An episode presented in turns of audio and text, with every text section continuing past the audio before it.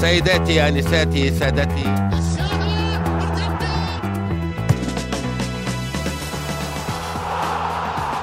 السلام عليكم ورحمة الله وبركاته. حياكم الله في حلقة جديدة من بودكاست مرتدة الذي يأتيكم من شركة ثمانية للنشر والتوزيع. هذه الحلقة تأتي بعد نهاية الدوري السعودي بعد الجولة الثلاثين. موسم طويل موسم شاق وجولة. أنا أعتقد أنها كانت أكثر جولات الدوري جنونا وترقبا. ليس فقط لهذا الموسم وإنما على مدى سنوات متابعتي للدوري السعودي جولة كانت مثيرة حتى ثوانيها الأخيرة كان كل شيء فيها قابل للتغيير. في هذه الحلقة سنتحدث بالطبع عن الهلال اللي أنهى الموسم بطلا للدوري. سنتحدث عن الاتحاد اللي ضاع من الدوري بطريقة وسيناريو غريب وعجيب جدا في الأمتار الأخيرة من الدوري وبالتأكيد سنتحدث عن الحدث اللي قد يكون الأهم والأبرز والغير معتاد ألا وهو نزول الأهلي إلى دوري يلو دوري الدرجة الأولى للموسم القادم وسنختم حديثنا ب يعني أنا وأبو سعود راح نتحدث عن أفضليات هالموسم شوف خياراتي تتفق مع خياراته أو تختلف.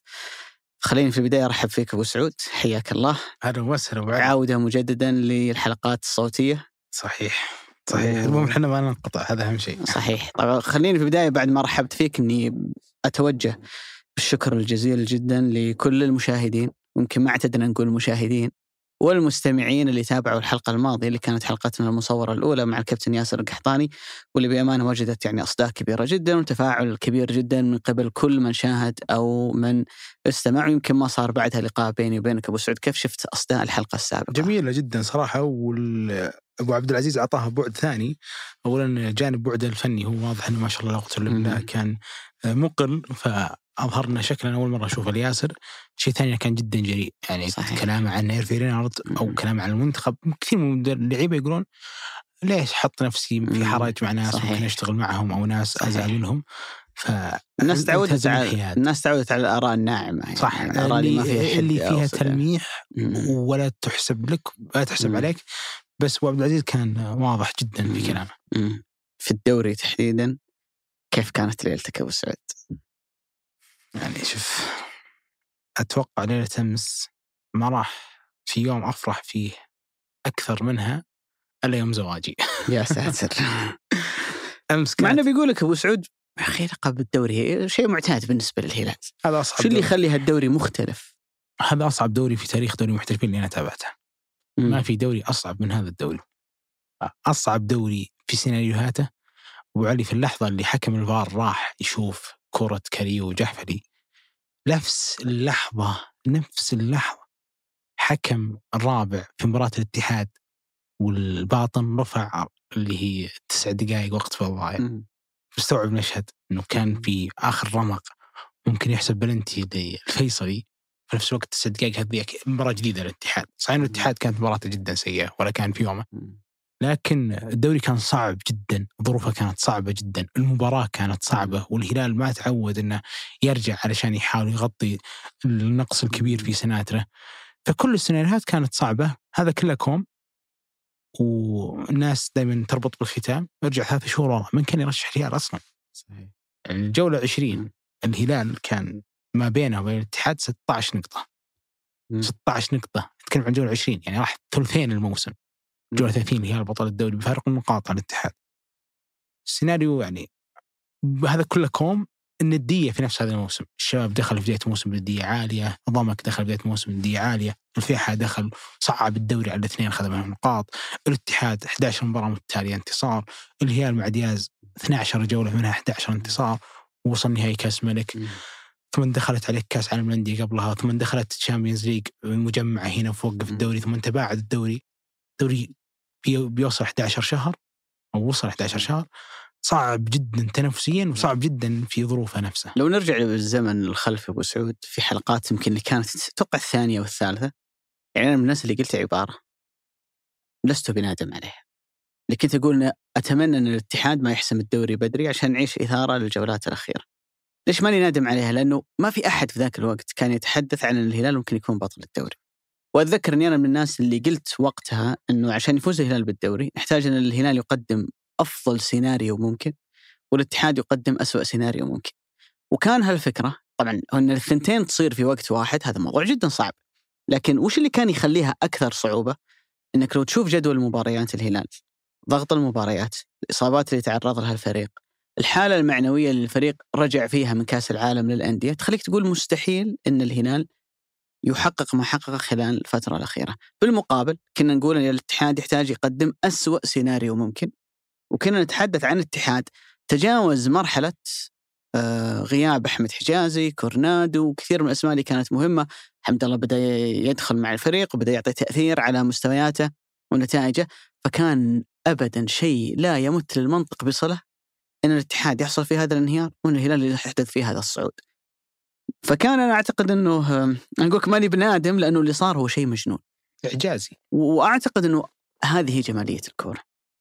ما في أحد يقدر يعطيك رأي فيها صحيح دائما. لأنها تخضع لمتقلبات ومتغيرات هي ما هي في يدك في نهاية الأمر. يعني لو قلت لديانز في لحظة تعيينه كمدرب للهلال قدامك 13 مباراة فيها 39 نقطة كم نقطة تقدر تجيب لي منها؟ وفتح لك جدول الدوري وشاف لك المباريات. تلعب مع الاتحاد مرتين تلعب مع النصر ومع الشباب ومع الأهلي وفي كم كبير من المباريات بتكون خارج ملعبك وبيصير عندك تداخل مباريات وفي وسطها في آسيا وأنت جالس أيضا تقاتل على كأس الملك. العقل والمنطق بيقول لك والله من 39 ممكن أجيب لك في العشرينات إن كثرت مرة جبت لك 30 نقطة. اللي صار إن الهلال لعب 13 مباراة خسر من الفيحة وفاز في 12 جاب 36 نقطة من 39 دياز رقميا جاب للهلال 92% من النقاط الممكنة في 13 جولة أخيرة وأرجوك لاحظ معي أنك تتكلم عن آخر 13 جولة. يعني اللي ذكرون الهلال مع جيسوس بداية كانت جدا قوية. اللي ذكرون الهلال مع جيرتس بداية كانت جدا قوية. وتصير مع كثير من الأندية يعني يعطيك بداية قوية بس غالبا في الختام لأنه تزيد المباريات وتكثر الإصابات والفريق يتراجع بدنيا صعب جدا إنك تختم بقوة. إذا أنت عندك فترة في الموسم جيدة مثلا الاتحاد جت فتره في وسط الموسم. أتذكر النصر مع كاريني ولما أخذ لفة على أندية الدوري السعودي كلها فاز عليها 13 13 فوز ورا بعض كان في نص الدوري. لكنك تسوي هالفترة الخارقة جدا على نهاية الموسم وسالم وسلمان وياسر والبريك والبقية لاعبين مع المنتخب عدد كبير من المباريات المهمة وفي سفر وفي تنقل وبداية الموسم لعبت دوري أبطال آسيا النسخة القديمة وفي منتصف الموسم لعبت النسخة الجديدة. شيء لا يمت للمنطق بأي صلة. شيء أبدا. ما هو ما هو يعني يفوق قدرتك على أنك تتنبأ أن الشيء هذا بيصير أنك لو أنت جيت وقلت أن الشيء هذا بيصير ترى في 99 مرة ما راح يصير بس في مرة واحدة ممكن يحدث. وفعلا حدث هالموسم مع الهلال.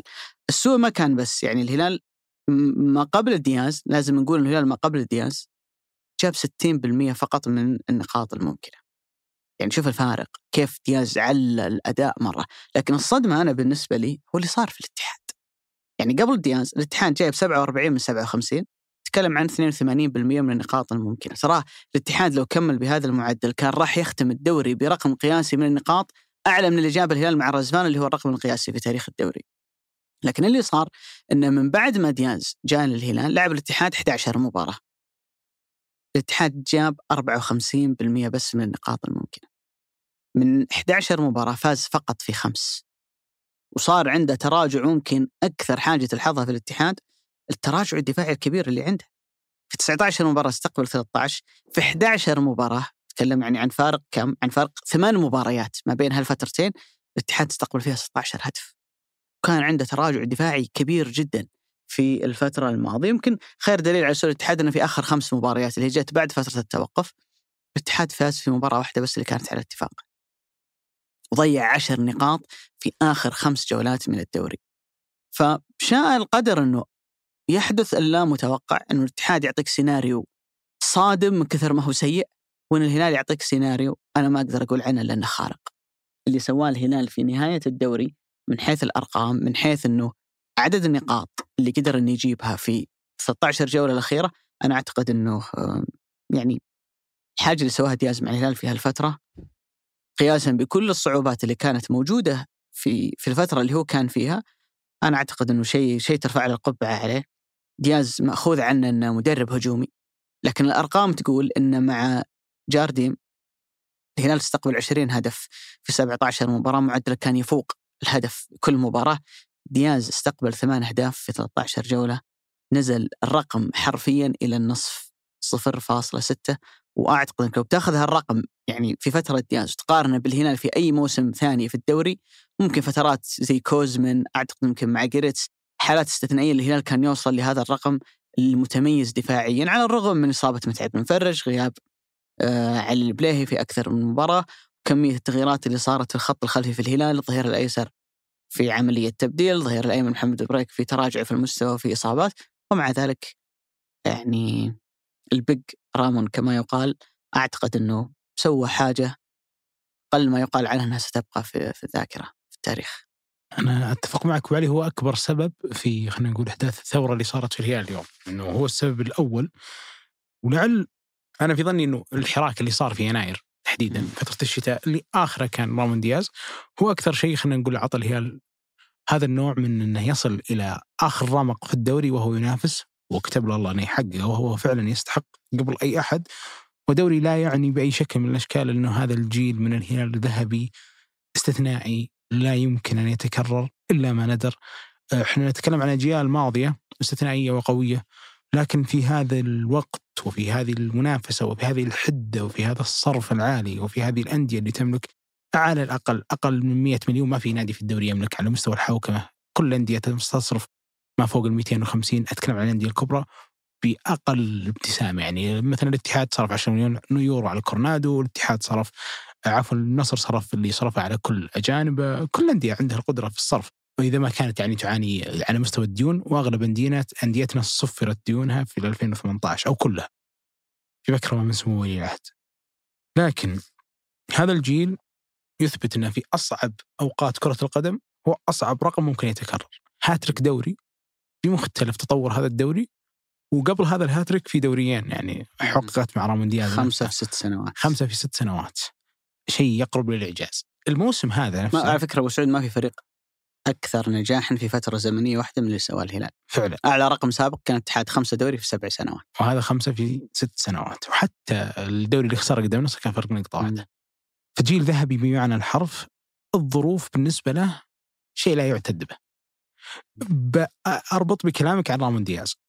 لما قرر الهلال إنه يجيب رامون دياز كان الفارق ما بين مباراة الأهلي المصري في ختام مونديال الأندية ومباراة الشباب ثلاث أيام.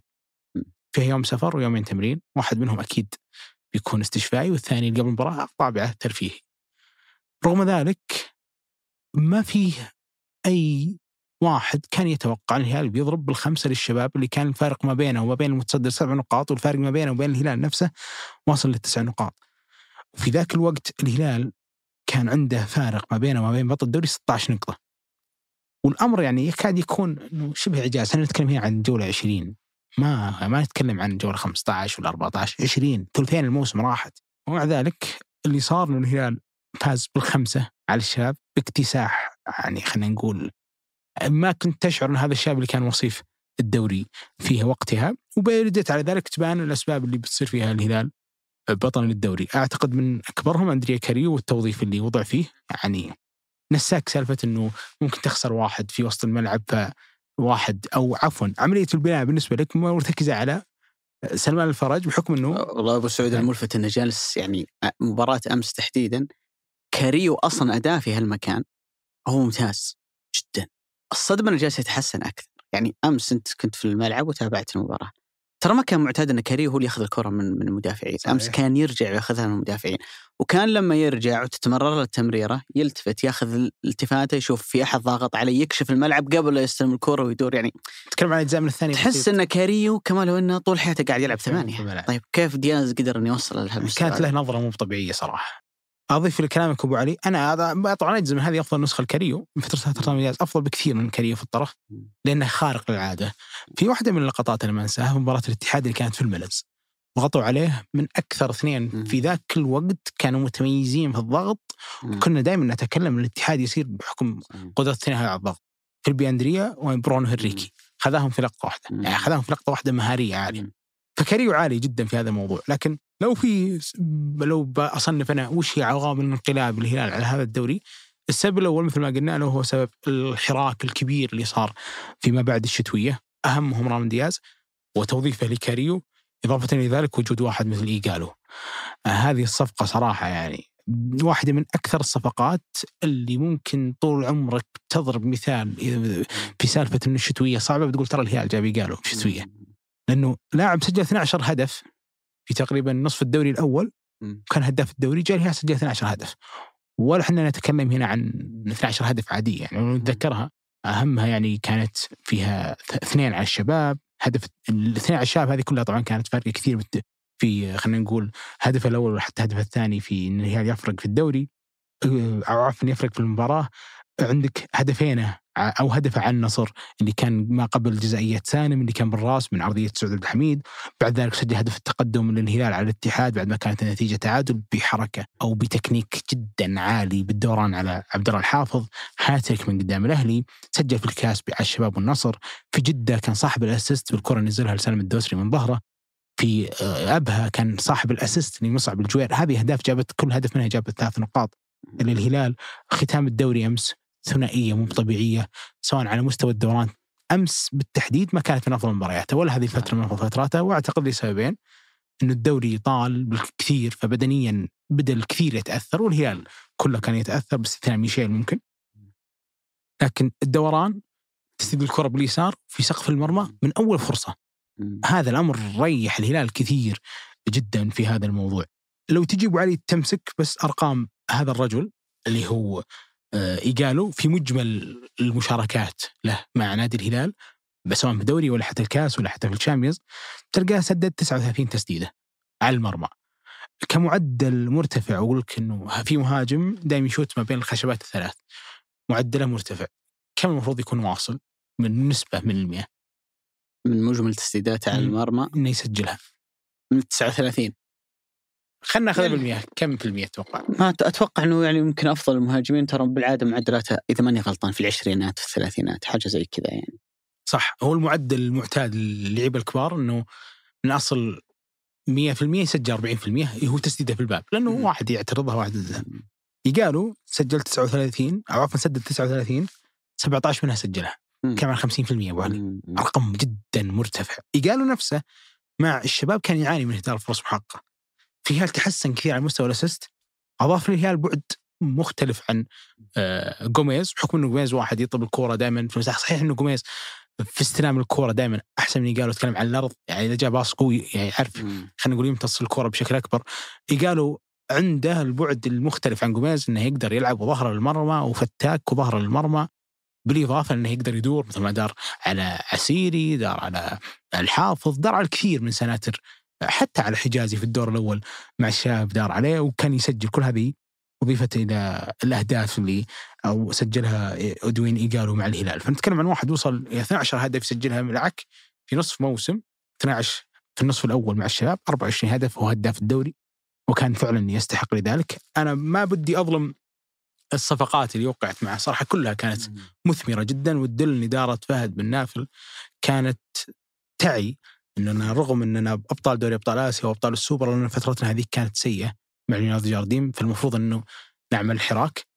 سعود عبد الحميد تكلمنا أسعد رجل الظاهر حقق هذا الدوري. ميشيل دلقادو اللي الكثير ظلمه آخر ثلاث مباريات هو أفضل لاعب هلالي بدون منازع.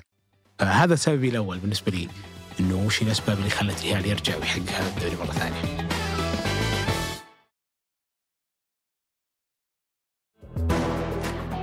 جميل. طيب قبل ما أجيك السبب الثاني ودي أعلق على ايجالو في الدوري تحديدا سجل 14 سجل 12 هدف صنع أربع أهداف مع الهلال. تكلم عن فترته مع الهلال. ست... ال 16 هدف هذه من مجمل أهداف الهلال خلال فترة ايجالو اللي هي النصف الثاني من الموسم. لو بتجمعها بتلاقي إن ايجالو ساهم 47% من مجمل أهداف الهلال في الفترة اللي هو كان موجود فيها. رقم كبير. أوكي في لاعبين ممكن زي عبد الرزاق حمد الله في الموسم اللي كان مع النصر أول موسم وصل لحاجة كذا فوق ال 70% لكنك تجي في هالفترة والنادي حلولة متنوعة مصادر خطورة فيه كثيرة. كان صراحة سرعة تأثير ايجالو على الفريق جدا مهمة وساهمت يعني في تحس إنه متلهف القفزه. الكبيره ها هنا أنت جيتني ابو سعود النقطة الثانية أنا كنت أبغى أذكرها عن إيجالو. واحدة من أهم مميزات إيجالو هي التعطش الكبير اللي موجود عنده.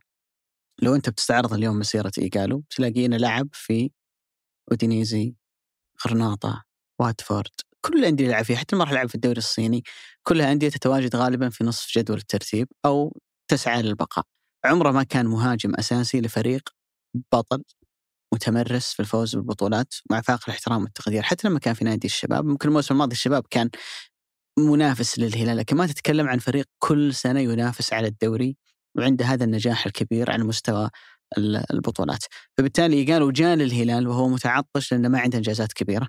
إذا ما كنت مخطئ هذه أول مرة يفوز بلقب هداف. الدوري. أول مرة يفوز برضو بالدوري أبو علي. بالضبط. واول مرة يفوز بلقب هداف الدوري. فكان عنده يعني الشيء اللي هو كان يحتاجه لقاه في الهلال والشيء اللي الهلال يبغاه لقاه في قالوا قبل ما أجيك في النقطة الثانية تكلمت عن الصفقات. أعتقد أنه أيضا تدخل إدارة الهلال في, في ذاك الوقت تحديدا. تعاقد مع محمد العويس عبد الاله المالكي سعود عبد الحميد قالوا ميشيل كل الصفقات الأخرى. ساهمت في أن الفريق يكون عنده بعد على مستوى التشكيلة يكون عنده خيارات أوفر وبالتالي تقدر أن تساعد الفريق لما يمر بفترات فيها إصابات أو مشاكل آه كثيرة. أنا من الناس اللي قلت لما تم التعاقد مع ميشيل إنه ما هو باللاعب اللي ممكن يعطي إضافة كبيرة للهلال. ولكن قلت عشان بس ما أبرر نفسي لكن قلت إنه لاعب صغير. وعنده الحاجة اللي أنت ما تقدر تعلمها للاعب اللي هي المهارة لكن تقدر أنت لما توظفه توظيف جيد تطلع منه أقصى فائدة ممكنة. وبامانه اللي سواه دياز في الفترة الأخيرة مع ميشيل أعتقد أنا من وجهة نظري إنه لا يقل عن اللي سواه مع كاريو. الناس ممكن تقول كاريو كان لاعب طرف حولت إلى لاعب ثمانية فهذا تغيير مهم جدا. لكن ميشيل في الغالب يحب يلعب على اليسار في الغالب يحب يلعب للعمق أكثر ياخذ الكورة وفورا يروح باتجاه المرمى لو أنت بتلاحظ مباريات الاتحاد الأخيرة ومباراة الفيصلي تحديدا دياز سوى تغيير مهم جدا إن ميل الفريق ناحية اليسار بدل ما كان الفريق غالبا مع ماريجا والبريك يميل ناحية اليمين الفريق صار يميل أكثر ناحية اليسار وبتلاحظ إن سلمان اللي تعودنا إنه يلعب في النصف الأيمن من الملعب لا صار يلعب في النصف الأيسر. يؤدي هذا إلى إيش؟ إلى إنه دائما ميشيل يفتح الملعب يكون على الخط بعيدا الوحدة. فلما يستلم الكره بتلاحظ إنه في كل الكرات اللي استلمها ميشيل واللي صنع منها الهدفين اللي سجلها إيه قالوا يلاقي مساحة قبل ما يضغط عليه المدافع فبالتالي يروح وهو شايف الملعب شايف عنده رؤية جيدة عنده وقت كافي إنه يراوغ اللاعب اللي موجود أمامه. وبأمانة واحدة من أهم ميزات ميشيل اللي بانت في هالفترة مع دياز إن لاعب عنده هدوء كبير جدا لما يكون داخل منطقة مكتظة باللاعبين. في الوقت اللي تقول هنا ميشيل بيعرض تلقاه خذاها لجوا. بعد ما ياخذ الجو تقول الحين هو بيعرض يرجع ياخذ المدافع الثاني على برا.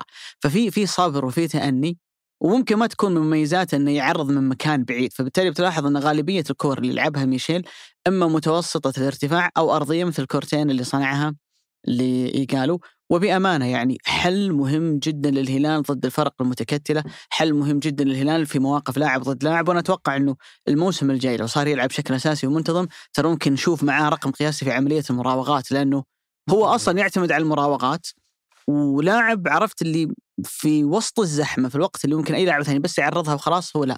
استنى اللحظة المناسبة استنى الثانية اللي قاله أي لاعب ثاني يقطع فيها للعمق وبعد ذلك يمرره.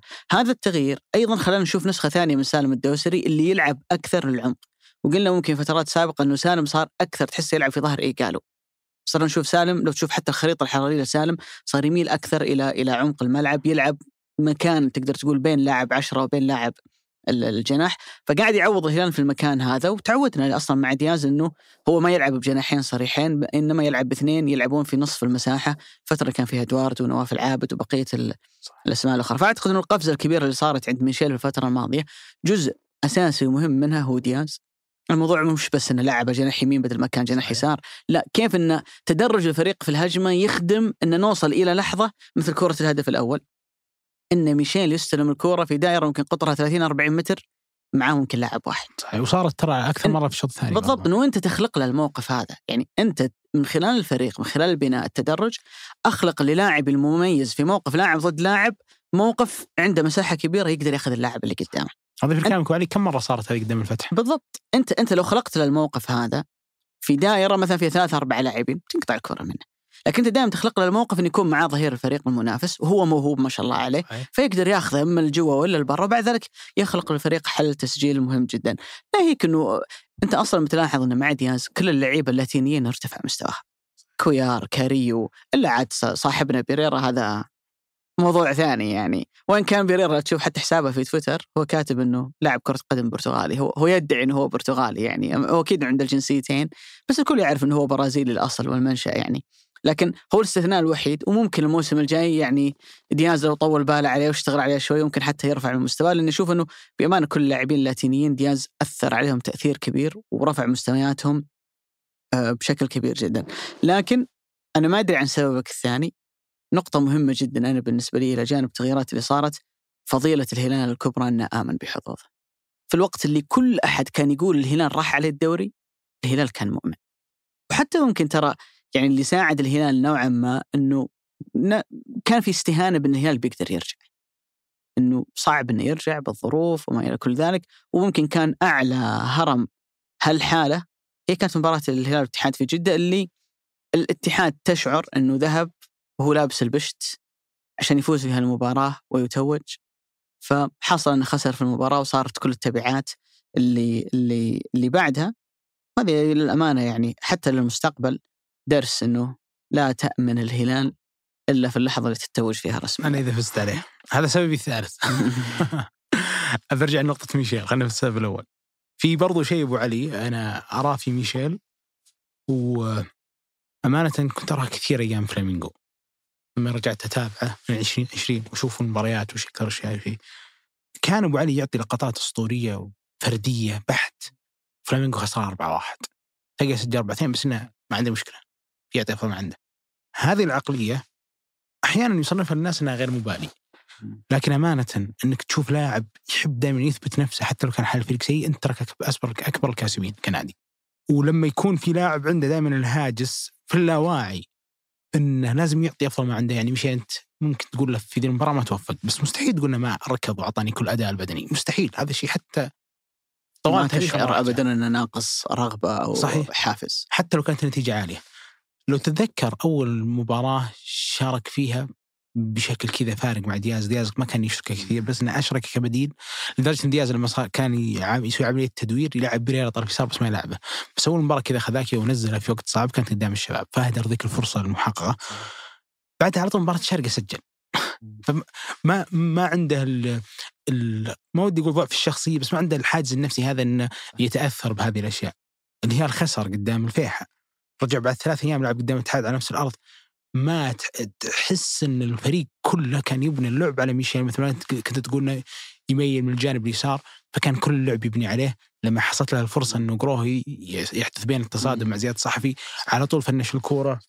لما الهلال سجل الثاني في الوقت اللي كلنا كنا نتوقع إن الهلال بيرجع أخذ الكره تتذكر أبو سعود إيش قلنا عنه في واحدة من الحلقات؟ كان الحديث عن إنه أنت وتشوف أرقامه مع فلامينجو عدد التمريرات اللي يعطيك إياها في كل مباراة حاجة كذا 26 27 المعدل. الهلال أي لاعب في الهلال يوصل فوق ال 40 صحيح. فبالتالي هو ما هو بلاعب جدا ممتاز لما أنت تستحوذ على الكورة ويصير في عندك عملية تبادل. اللي تباصي تعطي الظهير اللي جنبك الثمانية ينزل لك يصير في ال1 2 والتمريرات هذه.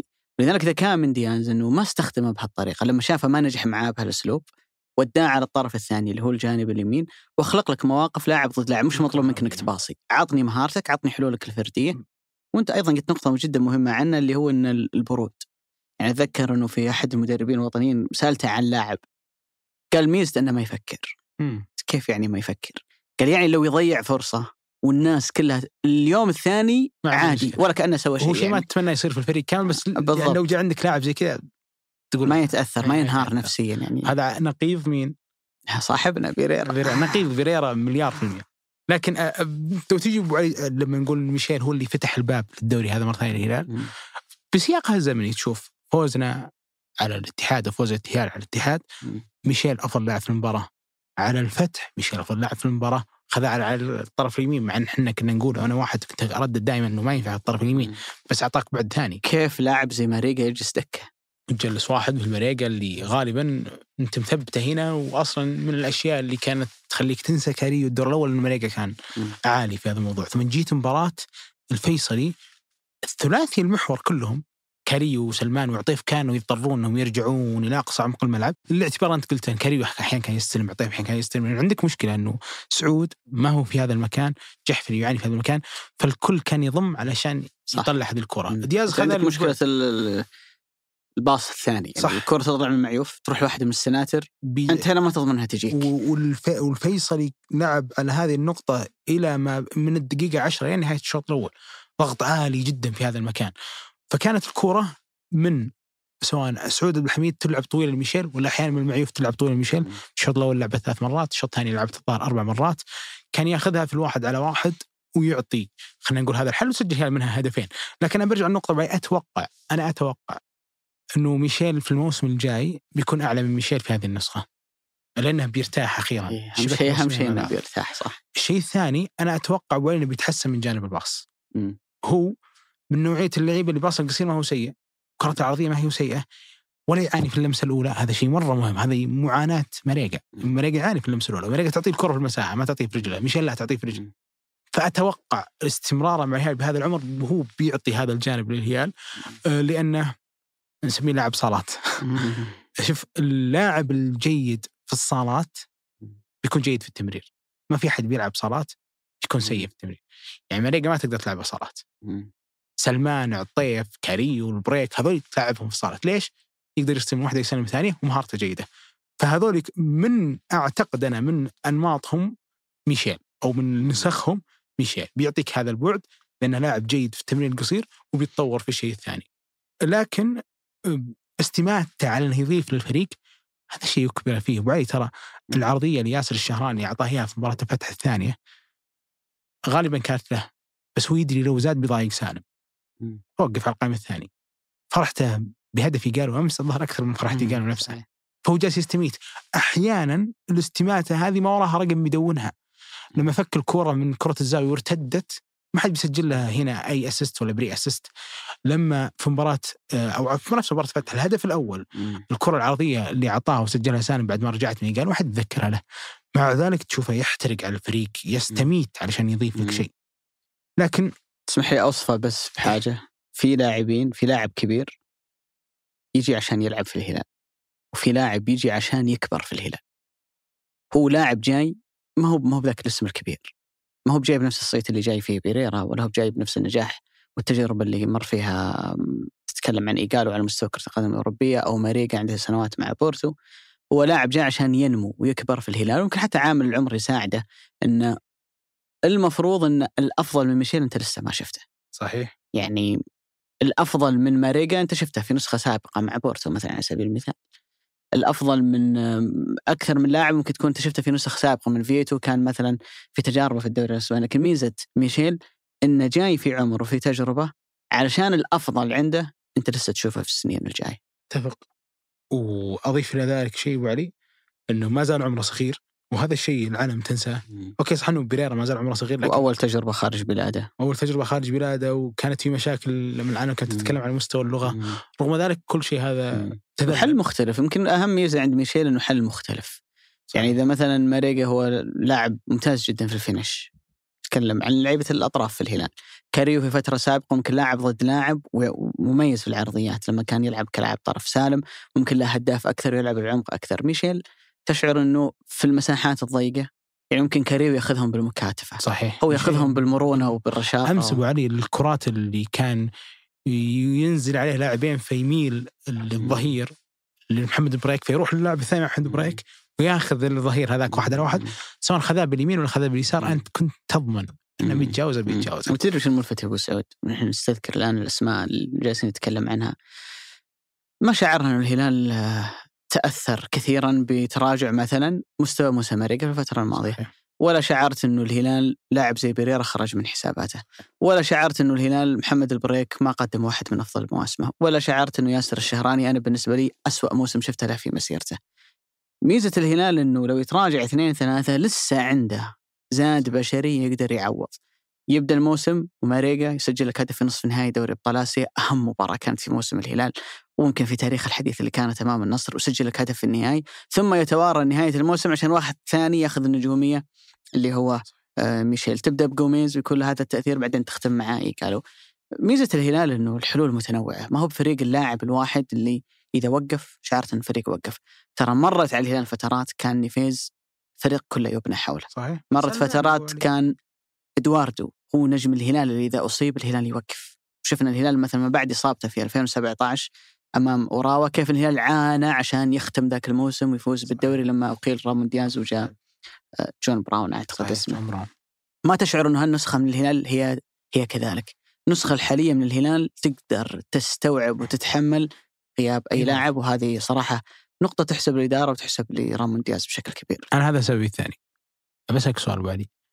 كم في لاعب أساسي في الهلال أساسي في آخر أربع شهور؟ يعني من فبراير نتكلم ما تعرض لإصابة. كلها كله كل استثناء. إلا عبد الله المعيوف. عبد الله المعيوف هو الوحيد الأساسي اللي ما غاب في فترة حساسة. مم. ت- ترى أبو سعود أنا أشعر إنه ان يتعرض لاعبي الهلال للاصابات ترى منطقي. أكيد. منافسك اللي أنت نافست معاه على الدوري الاتحاد يعني عادة مثلا لو يتنافس خلينا نقول إنه في فريق يلعب في أوروبا منافسة مثلا ما عنده أو طلع من دور 16 كم بيفرق عدد المباريات بين هذا وهذا بختام الموسم؟ ست سبع ثمان مباريات. في وجه الموسم أكيد تحدى ال 11 إي الفارق بين الهلال والاتحاد هالموسم 14 مباراة. ستة في دوري أبطال آسيا مجموعات، أربعة كانت دوري أبطال آسيا النسخة السابقة، ثلاث مباريات في كأس العالم للأندية، وعندك كأس السوبر هذه 14 الهلال عنده مباراة زيادة في كأس الملك اللي هي نهائي بحكم الاتحاد خرج من نصف فيها اضافيه نهائي. بس الاتحاد لعب نهائي البطولة العربية. في بداية الموسم. عندك 14 مباراة فارقة بين الفريقين. صحيح. تكلم عن اللاعبين اللي يلعبون في المنتخب في تصفيات كأس العالم النهائية اللي كانت 10 مباريات هالموسم. الهلال عنده أكثر من عنصر. الاتحاد ما كان عنده فهد المولد اللي يلعب بشكل أساسي ومنتظم مع المنتخب. لما ترجع قبل حتى لدورة الألعاب الأولمبية اللي حرمت ياسر وسلمان وسالم من إنهم يكون عندهم فترة إعداد. خلصوا شوف هم عشان الناس لو لو نست اللي صار في مثل هالفترة الموسم الماضي المنتخب السعودي لعب آخر جولتين في التصفيات الأولية لكأس العالم. أعتقد كانت مع أوزباكستان وناسي من المنتخب الثاني اللي كان موجود معانا فيها. عدينا خلصوا منها اللاعبين خذوا أسبوع أو أسبوعين إجازة بعدين راحوا عسكروا مع سعد الشهري قبل دورة الألعاب الأولمبية وراحوا لعبوا فيها ثلاث مباريات. خلصوا منها خذوا أعتقد أسبوعين أو عشر أيام راحة وانضموا لمعسكر الهلال. بعد ما كان الهلال رجع من المعسكر الخارجي وصار الهلال موجود في الرياض. ففعليا لا ارتاحوا ولا حظوا بفترة إعداد وكانوا مجهدين جدا على مدى الموسم أنهم أيضا يرجعون يلعبون مع المنتخب الأول في تصفيات كأس العالم. فطبيعي جدا لما يكون عندك هالكم من المباريات الزيادة على منافسك ولاعبيك أساسيين ومهمين مع المنتخب الأول أو المنتخب الأولمبي طبيعي يصير عندك هذا الانهيار البدني طبيعي يصير عندك الإصابات اللي كانت موجودة ولكن الهلال لما قلنا قبل شوي أنه تجيب 92% من النقاط الممكنة مع دياز في ظل هالظروف في ظل هالجدولة شيء صراحة ما تعرف كيف. إعجازي أنا. دائما أتكسر قدام هذا لكن آه، تاكيدا لكلامك أبو علي آه، على مسألة زيادة المباريات في وقت الحسم اللي كان المفروض إن الاتحاد يستفيد منها كثير يعني إلى حد ما على مستوى استشفاء واستعادة اللعيبه المصابين حجازي وحمد الله. تعال شوف نصف نهائي كأس الملك الهلال قبل الشباب والاتحاد قبل الفيحة إلى أن تواجهوا اثنينهم في الدوري. في هذه الفترة اللي تقريبا نتكلم عن 40 يوم 40 يوم تقريبا 45 يوم 40 يوم في هذه الحدود. الهلال لعب 11 مباراة. الأهلي الاتحاد لعب أربع مباريات فقط. فالفارق كان كبير على مستوى الضغط. انعكاس هذا على الهلال على مستوى الإصابات. آخر ثلاثة شهور بس في الهلال. أنا ما راح أخذ كل الموسم اللي تعرض فيه عبد الله عطيف رباط صليبي في بداية الدنيا ذيك كلها اللي صارت الموسم ما راح ما راح أتكلم عنها. بتكلم عن كل هذا الفريق آخر شهرين. عبد المعيوف اللي ما شاء الله قلت له ما تعرض لاصابه والله يا رب يحميه ويعافيه. جانج تعرض لإصابة في مشط القدم وغاب بسبب الكرت الأحمر. علي البليهي تعرض لإصابة في العضلة الضامة وغاب برضو بسبب الكرت ال- الإيقاف. تكلم عن محمد بريك كان غايب إلى آخر مباراة. تكلم عن ياسر الشهراني كان غايب بسبب إصابة الصدر بديلة. ناصر الدوسري تعرض للعضلة الضامة. كويلار تعرض للعضلة الضامة في بداية أول جولتين من دوري أبطال آسيا. عبد الله عطيف كان جاي من راجع من رباط صليبي يلعب مباراتين تقريبا أساسي بس الفيصلي ولا. يقدر يكمل 90 دقيقة. بالضبط. وعبد الله المالكي انت ناسيه بسبب الرباط الصليبي اللي وقعت معه. هذول ثلاثة في محور الستة. سلمان الفرج تعرض للإصابة ولعب وهو مصاب مع إنه غاب لكن أيضا لعب وهو مصاب. تكلم عن كاريو ما رجع إلا ما بعد ما امتد الدوري بسبب إصابته. تكلم عن سالم الدوسري تعرض لإصابة في العضله الضامة وبرضه غاب في ثلاث جولات وأربع جولات في دوري أبطال آسيا. إيجالو تعرض لإصابة في الكتف وريح في دوري أبطال آسيا. مريقا جت إصابة في العضله الضامة برضه. كل هذولي أصيبوا في شهرين. بس. طبعا زد على ذلك إنك أنت نسيت بيريرا ما أنا بيريرا أصيب. وغاب برضو بسبب إنه لما تعرض للفيروس في الفترة الأخيرة اللي غيبته وارتفعت حرارته وزار المستشفيات هنا كثير. بس أنت ما تحسن من كل ذولي. كل هذه الإصابات اثنين منها نوعية صارت في الاتحاد الاتحاد فقط اللقب أن حمد الله وكورنادو يشاركون وعندهم حمى مرتفعة. وروما يتوقف الاتحاد فقد الدوري على طول. الهلال يحفز نفسه. بس مرت ترى فترات صعبة على الاتحاد. أكيد أكيد اللي كانت أكيد. بدون حجازي هذا أكيد أنا ما عندي بدون كورنادو. أكيد أكيد. وعداها الاتحاد مثل ما يبغى. بس أنا جالس استذكرها في الرمق الأخير. طبعا الهلال برضو في بداية الموسم مر بايقاف فيريرا مرتين مر. بإصابة جوميز مر نسينا. في واحد نسيناه ترى. منهم نسينا إيقاف كنو. إيقاف محمد كنو. هذا اللي ضمن هذا كله. هذا في آخر شهرين. الهلال نفسه لو بالمقارنة بالاتحاد برضو بداية الموسم لما بدأ أصلا الموسم هذا في ثلاثة كان مقيول عند رياض الجارديم انك ما تقدر تلعب بهم انسى. اللي هم الثلاثه اللي خذاهم سعد الشهري سالم الدوسري ياسر الشهراني خذوا. وقت على ما يرجعون. إي وكانت بالبناء على اللي يشوفونهم معرضين في واحد. كمان نسيته. صالح الشهري. صالح الشهري. قطع في الوتر.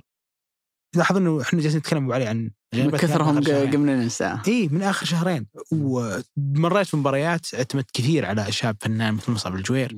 على عبد الله الحمدان إنه ممكن يرجع يضيف لك. مرات مباريات صعبة جدا. فالهلال رغم كل هذا في آخر شهرين بس طبعا لو جينا بنفتح صفحة الهلال اصاباته من بدء هذا الموسم يمكن نخلص الحلقة وإحنا نذكر أسماء.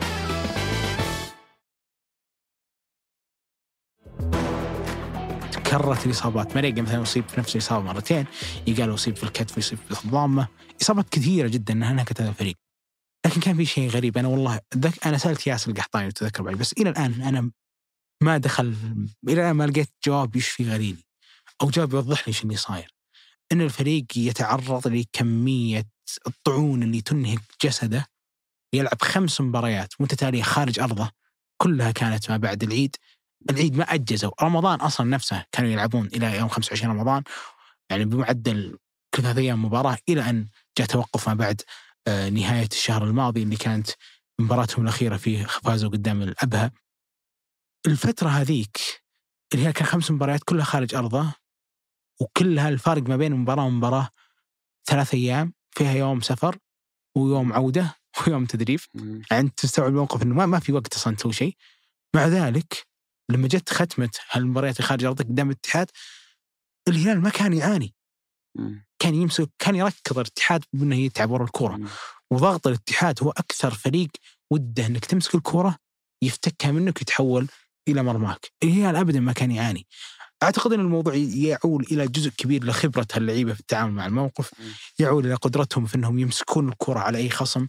يعول إلى قدرتهم إنهم يتعاملون مع أي ضغط. يعني مثلا لما تقدم روما الهلال ما ارتبك نفس ال system ماشي نفس ذا. أنت لازم تاخذ الثلاث نقاط من ارض الاتحاد اللي اخذته رايح جاي. وهذه صراحة يعني إنك تاخذ الأكثر واحد متصدر فارق نقاط رايح جاي يسرت فيه هذا الشيء الكثير. أنا أعتقد إنه هذه أكثر شيئين في بالي ممكن مم. خلينا نقول جعلت الهلال هو بطل لهذا الدوري. لكن في الختام أمانة إدارة نادي الهلال آه لو تجي تاخذها كسي في شخصي مثل فهد بن نافل ثلاث مواسم فيها ثلاثة دوري. غالبا في النصف الأخير من الموسم ما راح تكون كارثة. لو مثلا حقق كأس الملك بحكم انه وصل النهائية. في نفس الوقت خسر الدوري بفارق نقطة مثلا. بقول آخذ ثلاث أخذ ثلاث بطولات وهو اليوم خذ ثلاثية الموسم. بس بدال كأس الملك الدوري. والاتحاد كان فارق يعني 17 نقطة وحسنت هذا الفريق في اني جبت كل هذه الصفقات. وجاء دياز وتحسنا ولكن ما قدرنا ناخذ الدوري. مع ذلك كانت فيه استماتة. نجيب هذه البطولة نجيبها. هذا الشيء صار. يعني أمس كان أتكلم الكابتن سلمان سلمان الفرج بإسهاب عن آه، ذيك الفترة وتكلم عن مدى آه، خلينا نقول فارق كبير في إدارة النادي في إنها تحترمهم في مقدمات عقودهم. هذه سلمان قالها بالنص. تحترمنا في مقدمات عقودنا في رواتبنا أمورنا كلها تمشي مثل ما نحب.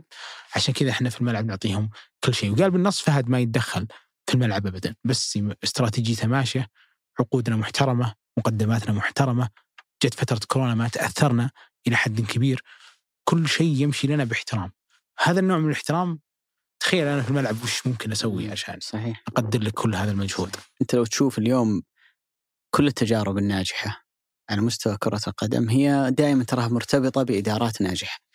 ريال مدريد ما كان بيحقق النجاحات الكبيرة في دوري أبطال أوروبا لو ما كان عنده رئيسته فلورنتينو بيريز. يوفنتوس ما كان بيعود من دوري الدرجة الأولى ويصنع النجاحات الكبيرة اللي سواها في الدوري الإيطالي بدون أنييلي وندفيد وبقية أعضاء مجلس إدارته. مانشستر سيتي ما كان بينجح هذا النجاح الباهر لولا أنه خلدون بيكرشتاين وبقية الأسماء اللي موجودة في مجلس إدارته اللي هي اللي جابت بيب وجابت كثير من اللاعبين وعملت هذا التاريخ والنجاح الكبير.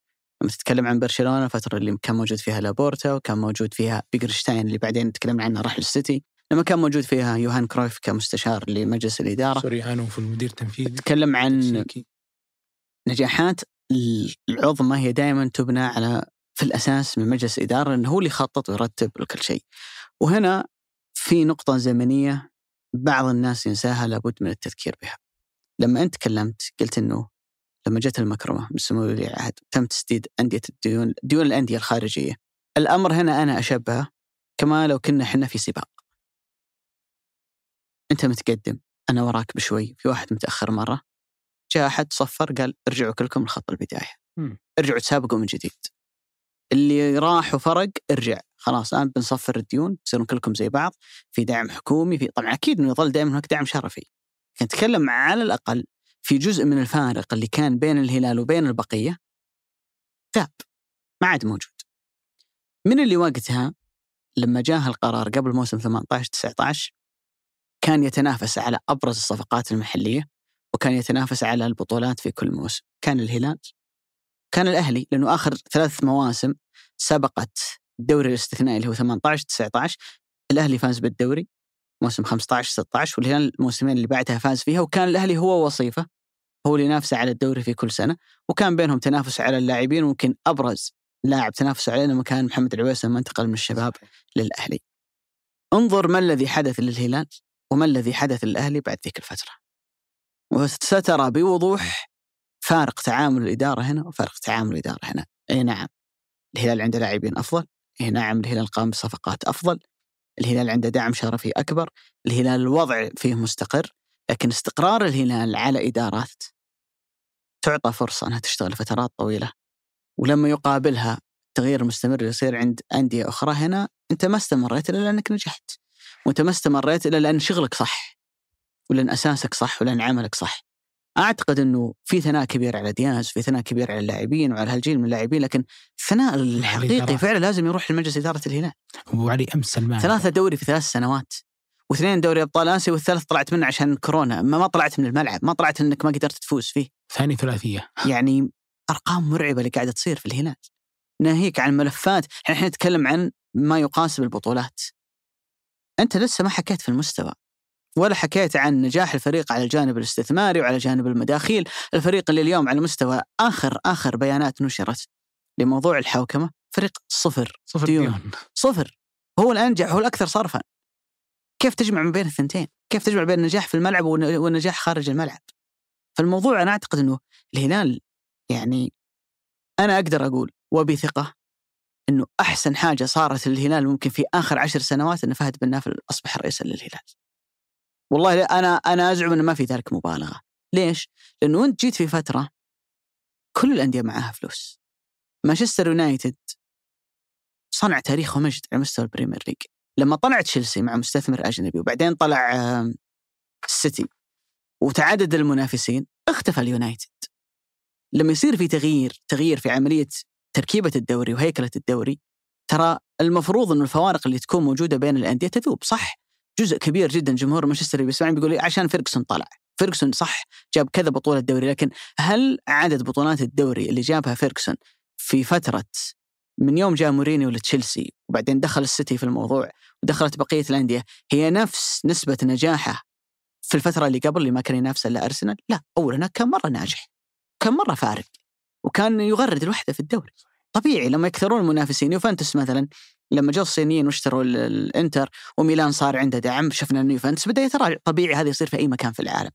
الهلال في اللحظة اللي الكل أصبح لديه دخل والكل أصبح قادر إنه ينفق ويتعاقد زامن ذلك إنها أعلى فترة للهلال.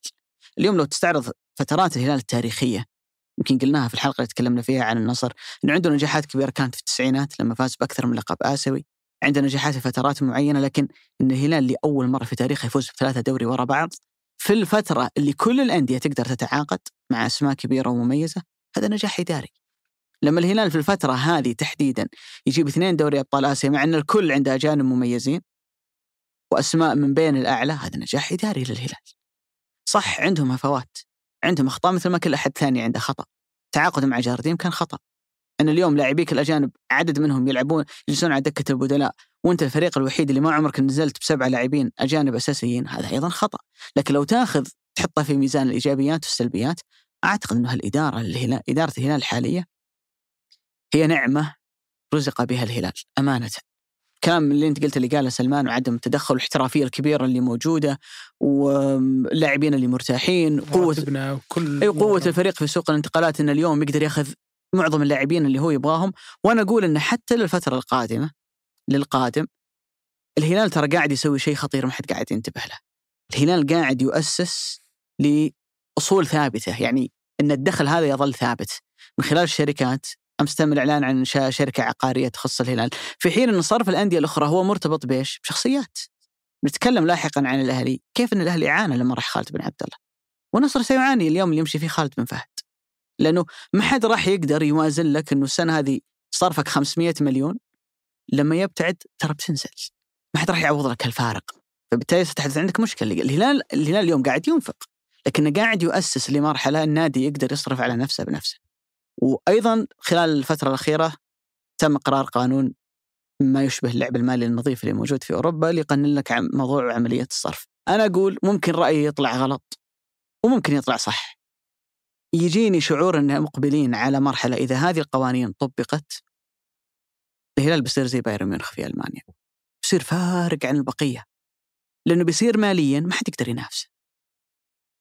اولا البطولات والنجاحات تجيب لك مستثمرين تجيب لك رعاة زيادة وتجيب لك فلوس زيادة زائد انه انت أصلا قاعد تأسس لشيء ثابت في حين إن البقية هو مرتبطين بشخصيات مستوى صرف الشباب مثلا ما راح يكون بعد خالد البلطان زي ما هو عليه مع خالد البلطان وممكن هذه ترى أنت تجي هنا لنقطة إنها أصلا لو يجي اليوم واحد ما يتابع الدوري السعودي. يقول يا خالد عطني سبب واحد في سطر واحد لماذا الهلال هو الأكثر نجاح. أنا بالنسبة لي بقول جملة واحدة. لأن الهلال لم يكن له في يوم من الأيام رمز. عمر الهلال ما كان مرتبط بشخص. عمر الهلال ما كان مرتبط برجل إذا رحل رحل معه الهلال. الكل يشتغل لأجل النادي الكل يشتغل لأجل أن الفريق هذا ينجح.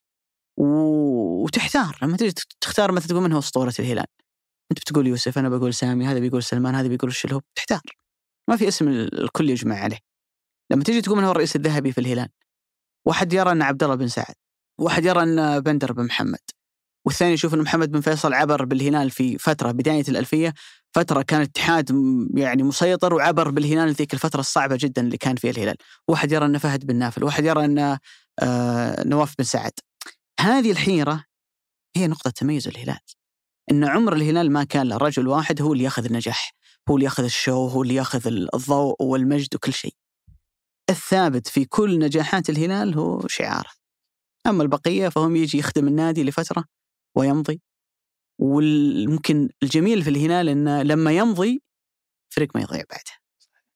إذا وصلت البطولة ما يفكها صحيح. في كلمة بقولها أبو علي ما أدري قولها أنا. صا أو أنا هل إني أكشفها شيء صحيح ولا لا؟ ولكن قول عطنا وقت الدعم عطنا عطنا ما خلف الكواليس.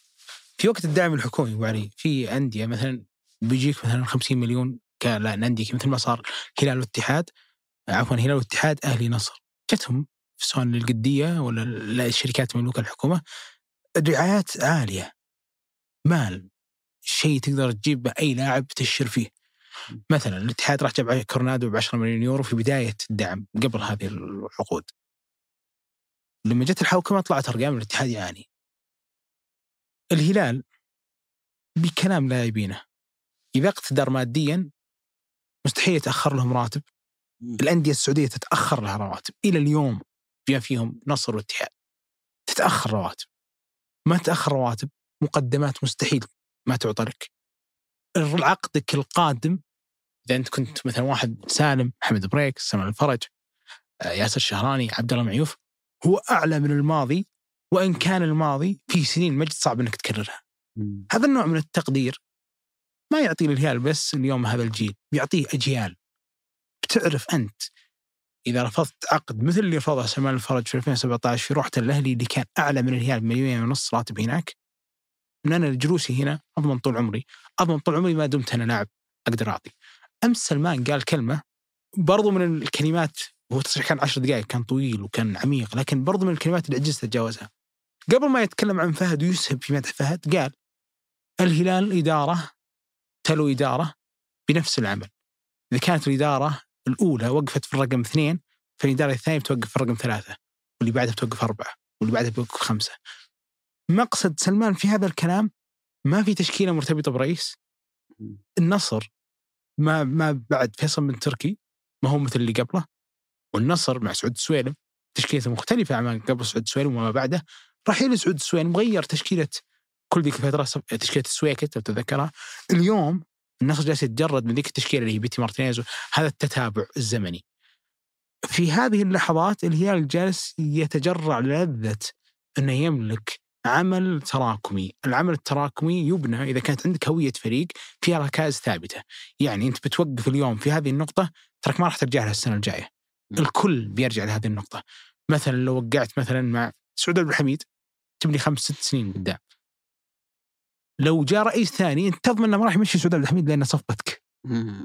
هذا الشيء صار. يعني هذا الفريق إلى حد ما مبني بفترة يعني محمد بريك عبد الله المعيوف هذول الأسماء جابهم نواف بن سعد. سلمان الفرج سلمان الدوسري هذول الأسماء صعدوا في فترة عبد مساعد اليوم هذه الأسماء الأجنبية جانج أه تكلم عن أه أه أندريا أو عفوا أه إيجالو تكلم أندريا كلو جابها سامي الجابر قومين سامي الجابر كل رئيس في عمل متراكم. يعني انسى سالفة إنه بيجاب فريق عشان ما يحسب على غيرك. أدري إنه هذا يبدو بديهي. بس ترى ساعد في أنديتنا وأعلى من أنديتنا. ساعد إنه لا يحسب عليك هذا الفريق ولا يحسب لا يحسب على غيرك. لو كان فهد بن نافل يحب نفسه ممكن يتوجه لهذا الموضوع. بس فهد مستوعب تماما إنه من ثقافة الهلال أو من ثقافة ما كان رجع دياز أساسا هو محسوب على نواف بن سعد وبالضبط ما كان جدد مع كاريلو وقع عقد أربع سنوات. هو محسوب على واحد من قبله. حتى في صفقة جانج البعض يحسب أنه كواك كان موصي فيها البعض ممكن يعيرها لكواك. ففي كل فترة ممكن تجد لك سبب ما ما تشير لفهد فيها. لو هو يحب نفسه كان نفى كل هذه الأسباب. وفي كثير من صناع القرار يفكرون هذا التفكير. ممكن الجمهور من بعيد يقول هذا الأمر يعني بديهي. لا لا. هذا الشيء سائد ففهد بن نافل واحدة من أتفق معك تماما هي واحد من أعظم القرارات اللي صارت في آخر عشر سنين. وجاء في وقت اقتصاديا مثل ما أنت شرحت سيء الهلال نفسه انه في في موارد أبو سعود تحتاج إلى إدارة جيدة، حدا فاهم يعرف كيف يتصرف فيها، فلوس موجودة. قاعد يجيك دعم حكومي، قاعد يجيك رعايات وأنت الهلال قيمة تسويقية كبيرة جدا. ليش ما قدم يعني تتذكر لما كان يتكلم أعتقد إنه الأمير عبد الله بن مساعد عن فكرة إنه الهلال ينشئ ملعب، الهلال يقدر يبني ملعب بلاش. جيب لي أي أرض فاضية أو مخطط وقل بحط في ملعب نادي الهلال بيرتفع سعر الأراضي المجاورة لأن نادي الهلال هنا. الإدراك انه إنه الهلال قيمة. يعني أنت جزء من الموضوع في موارد إنت تعرف تديرها، وجزء ثاني كيف تستغل اسم الهلال. في واحدة من أنجح فتراته. واعتقد إنه هو نجح في الملفين الاثنين كلها نجح فيها بشكل بس فنيا بعد وبعد لو جيت تتذكر ذيك التشكيلة اللي استلمها من الأمير محمد بن فيصل كانت كارثية. لو تستثني لعيبتها المحليين كانت كارثية. مدرب اسمه زوران وعندك ثلاث عقود متضاربة عقد عموري متضارب مع عقد جوفينكو حتى متضارب مع عقد إدواردو. هذول الثلاثة ما يجتمعون مع بعض. كلهم وقع في فترة واحدة. عموري وقع مع سامي في بداية الموسم. جوفينكو جابه آه واحد اللي هو الأمير محمد بن فيصل. كان في وسطهم الفريق يملك إدواردو. فأنت باتفاق رزفان ما راح يلعب إلا واحد منهم. الجمهور كله غاضب لما راح العموري كل الجمهور غاضب لأنه كان حلم. أضف إلى ذلك انت دفعت 11 مليون ريال سعودي دفعة واحدة كاش بدون أي تقسيط لأنه الإدارة اللي قبلك وقعت مع, مع سوريانو. لاعب انت ممكن تنساه حتى. نفس الشيء صار مع نفاس نفس الشيء صار مع الحبسي نفس الشيء كل هذه ديجينيك وبوتيا. ديجينيك وبوتيا. كل كمية الأسماء الضخمة اللي كانت محشودة بس ما لها مكان ولا تناسب هويتك. وأصلا ما تخليك تستفيد من لعيبتك المحليين أنت تملكهم بشكل كبير. ومع ذلك صفيت هذا الفريق مثل ما يجب. رجعت جوفينكو لاعب عشرة. جبت واحد مثل جانج في لحظة توقيع الصفقة ما حد يعرف جانك. جبت واحد مثل رازفان لوشيسكو في لحظة توقيع الصفقة العالم كانت تتكلم عن عودة جيسوس ولا لاودروب ولا هذيك الأسماء اللي العالم يحب يصدح بها فلما وقع مع جيسوس تذكر بعد ذيك الفترة لما كان يقول جايبنا روماني مدرب دفاعي. عندك فتره أتذكرها زين. كل هذا ما كان ليحدث لو ما كانت في عين خبير. الهلال كان على شفا حفرة إنه يفقد كل عمله التراكمي بسبب ذيك العقود. اني احاول مثل ما سوى زوران. أوظف جوفينكو وإدواردو باللهيبه وارجع سالم كواحد من ثلاثة في وسط الملعب علشان يمشون مع بعض وكلهم ذاك الوقت إدواردو وجوفينكو وجوميز فوق ال 32 سنة.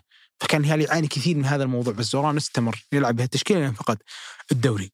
فكمية الأعمال الصحيحة اللي وفق مسار الرأي العام وكثير منها ضد الرأي العام وأنا هنا أتذكر ثلاثة عموري رزفان جانج هيونسو كلها كانت ضد الرأي العام. اليوم هذا الموسم يقالوا ضد الرأي العام يقالوا كوبر كان ضد الرأي العام. ميشيل كان ضد الراي العام حتى عودة دياز مع إنه الرأي العام كان كله يقول جارديم يرحل إلا إنها كانت تقول ثقافة المدرب يعود مرتين وهذا المدرب اللي كان عنده سمسرة ويجيب يدرب مدرب يخلي ولده يدرب.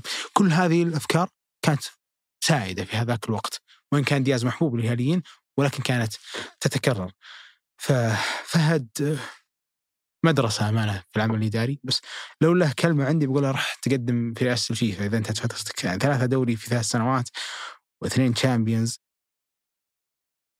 ما ما لها وصف. النصف الأول من السيناريو اللي ما كنت أتوقع إنه يصير إن الهلال يعطيك هالأداء المرتفع جدا. لكن النصف الثاني اللي ما تقدر تغفل إن الاتحاد يتراجع بهذا الشكل الغريب والعجيب اللي صار معاه في نهاية الموسم. في بعض الصدمات يخليك تتقبلها إنه مداها الزمني طويل، بعيد الشر عني وعنك وعن أي أحد يسمعنا، لو اليوم عندك شخص كذا يموت بشكل مفاجئ وعندك شخص لا قدر الله يصاب بمرض عضال ويبدأ يذوي قليلا قليلا إلى أن يصل إلى لحظة كذا يتوفاه الله فيها. الصدمة هنا ما تشبه الصدمة هنا. هذا المثال اللي أنا أحاول إني أوصله. التراجع اللي صار عند الاتحاد قبل جولتين من النهاية وبعدين جت فترة توقف ثلاثة أسابيع أشعر إنه خلى نوعا ما بعض وليس كل جمهور الاتحاد يتقبل الصدمة. ما أقدر أغفل ولا أخفي مع إني ما أحب هالنوع من الطرح إنه أيضا اللي صار للأهلي يخليك نوعا ما تتقبل هذه الصدمة م. لكن لو تأخذ اللي صار الاتحاد بمعزل عن هذا كله كارثة أن يضيع منك دوري كنت ماسكه بيديك مجودة حرفيا ويضيع منك بهذا الشكل تكلم عن انت قلت الجولة 21 اللي بدأ فيها دياز مع الهلال. صح كان عند الهلال 17 مباراة والاتحاد عنده 19 انه باقي له مباراة الدور الأول اللي كانت ضد الهلال. بس تبدأ من الجولة 21 يعني مر ثلثين الدوري والفارق 16 نقطة. وتضيع الدوري أنا ما أقدر أقول عن اللي صار إلا أنه كارثة. ما أقدر أوصفه بوصف ألطفه أخليه الوصف ناعم. خلي الوصف قابل لل... خلينا نقول للتناول. انت مثل الناس يقولوا تحسنت أكثر من إن اللي صار في الاتحاد كارثة. يعني اليوم أرجع واقول لك من الممكن إنه مع الوقت الواحد شوي يتقبل لكن لو قلت للاتحادي قبل شهرين من الآن الدوري هذا بيضيع منك؟ يقول لك معليش والله يعني ما ما ما غيرها. إي ما في سبب منطقي يخلي يخلي هالموضوع صار. لأن الفريق ينهار بهذا الشكل مثل ما قلنا خمس نقاط في آخر عشر آخر خمس جولات. تعطي الهلال عشر نقاط تضيعها من يدك وما معقول يعني الهلال حسم الدوري بفارق نقطتين عن الاتحاد. لو فاز الاتحاد أمس على الباطن كان الهلال بيفوز بفارق المواجهات المباشرة. يعني إيش؟ يعني كنت تحتاج فوز واحد. ثلاث نقاط بس كانت تعطيك هالدوري. ما كنت قادر تجيبها على الطائي ما كنت قادر تفوز على الفتح. التراجع اللي صار على الاقلها مثلا خلينا نقول الهلال ما نبغى نرجع للوضعيه اللي جاك في الهلال بعد مباراة الفيحة لكن يا رجل لا تخسر على الأقل. خل فارق النقاط زي ما هو إذا ما أنت قادر تفوز. فاعتقد إنه صار في الاتحاد يعني صدمة كبيرة جدا. أنا بالنسبة لي صعب إني أستوعبها. صعب أستوعب إنه فريق كان كنا نتكلم عنه في منتصف الدوري إنه بس الاتحاد بيحسم الدوري جوله 24 ولا 25 ولا الاتحاد كان بيجيب نقطة نهائيه مسلمين خلاص. تسليم تام إنه هذا الدوري أصبح في خزائن الاتحاد. جزء من الموضوع مثل ما قلت لك السيناريو الفظيع اللي سواه الهلال لكن لو الهلال سوى أكثر من ذلك لو دياز جاب لك 100% من النقاط الممكنة ما كان بيفوز بالدوري لولا إنك أنت أعطيته فرصة.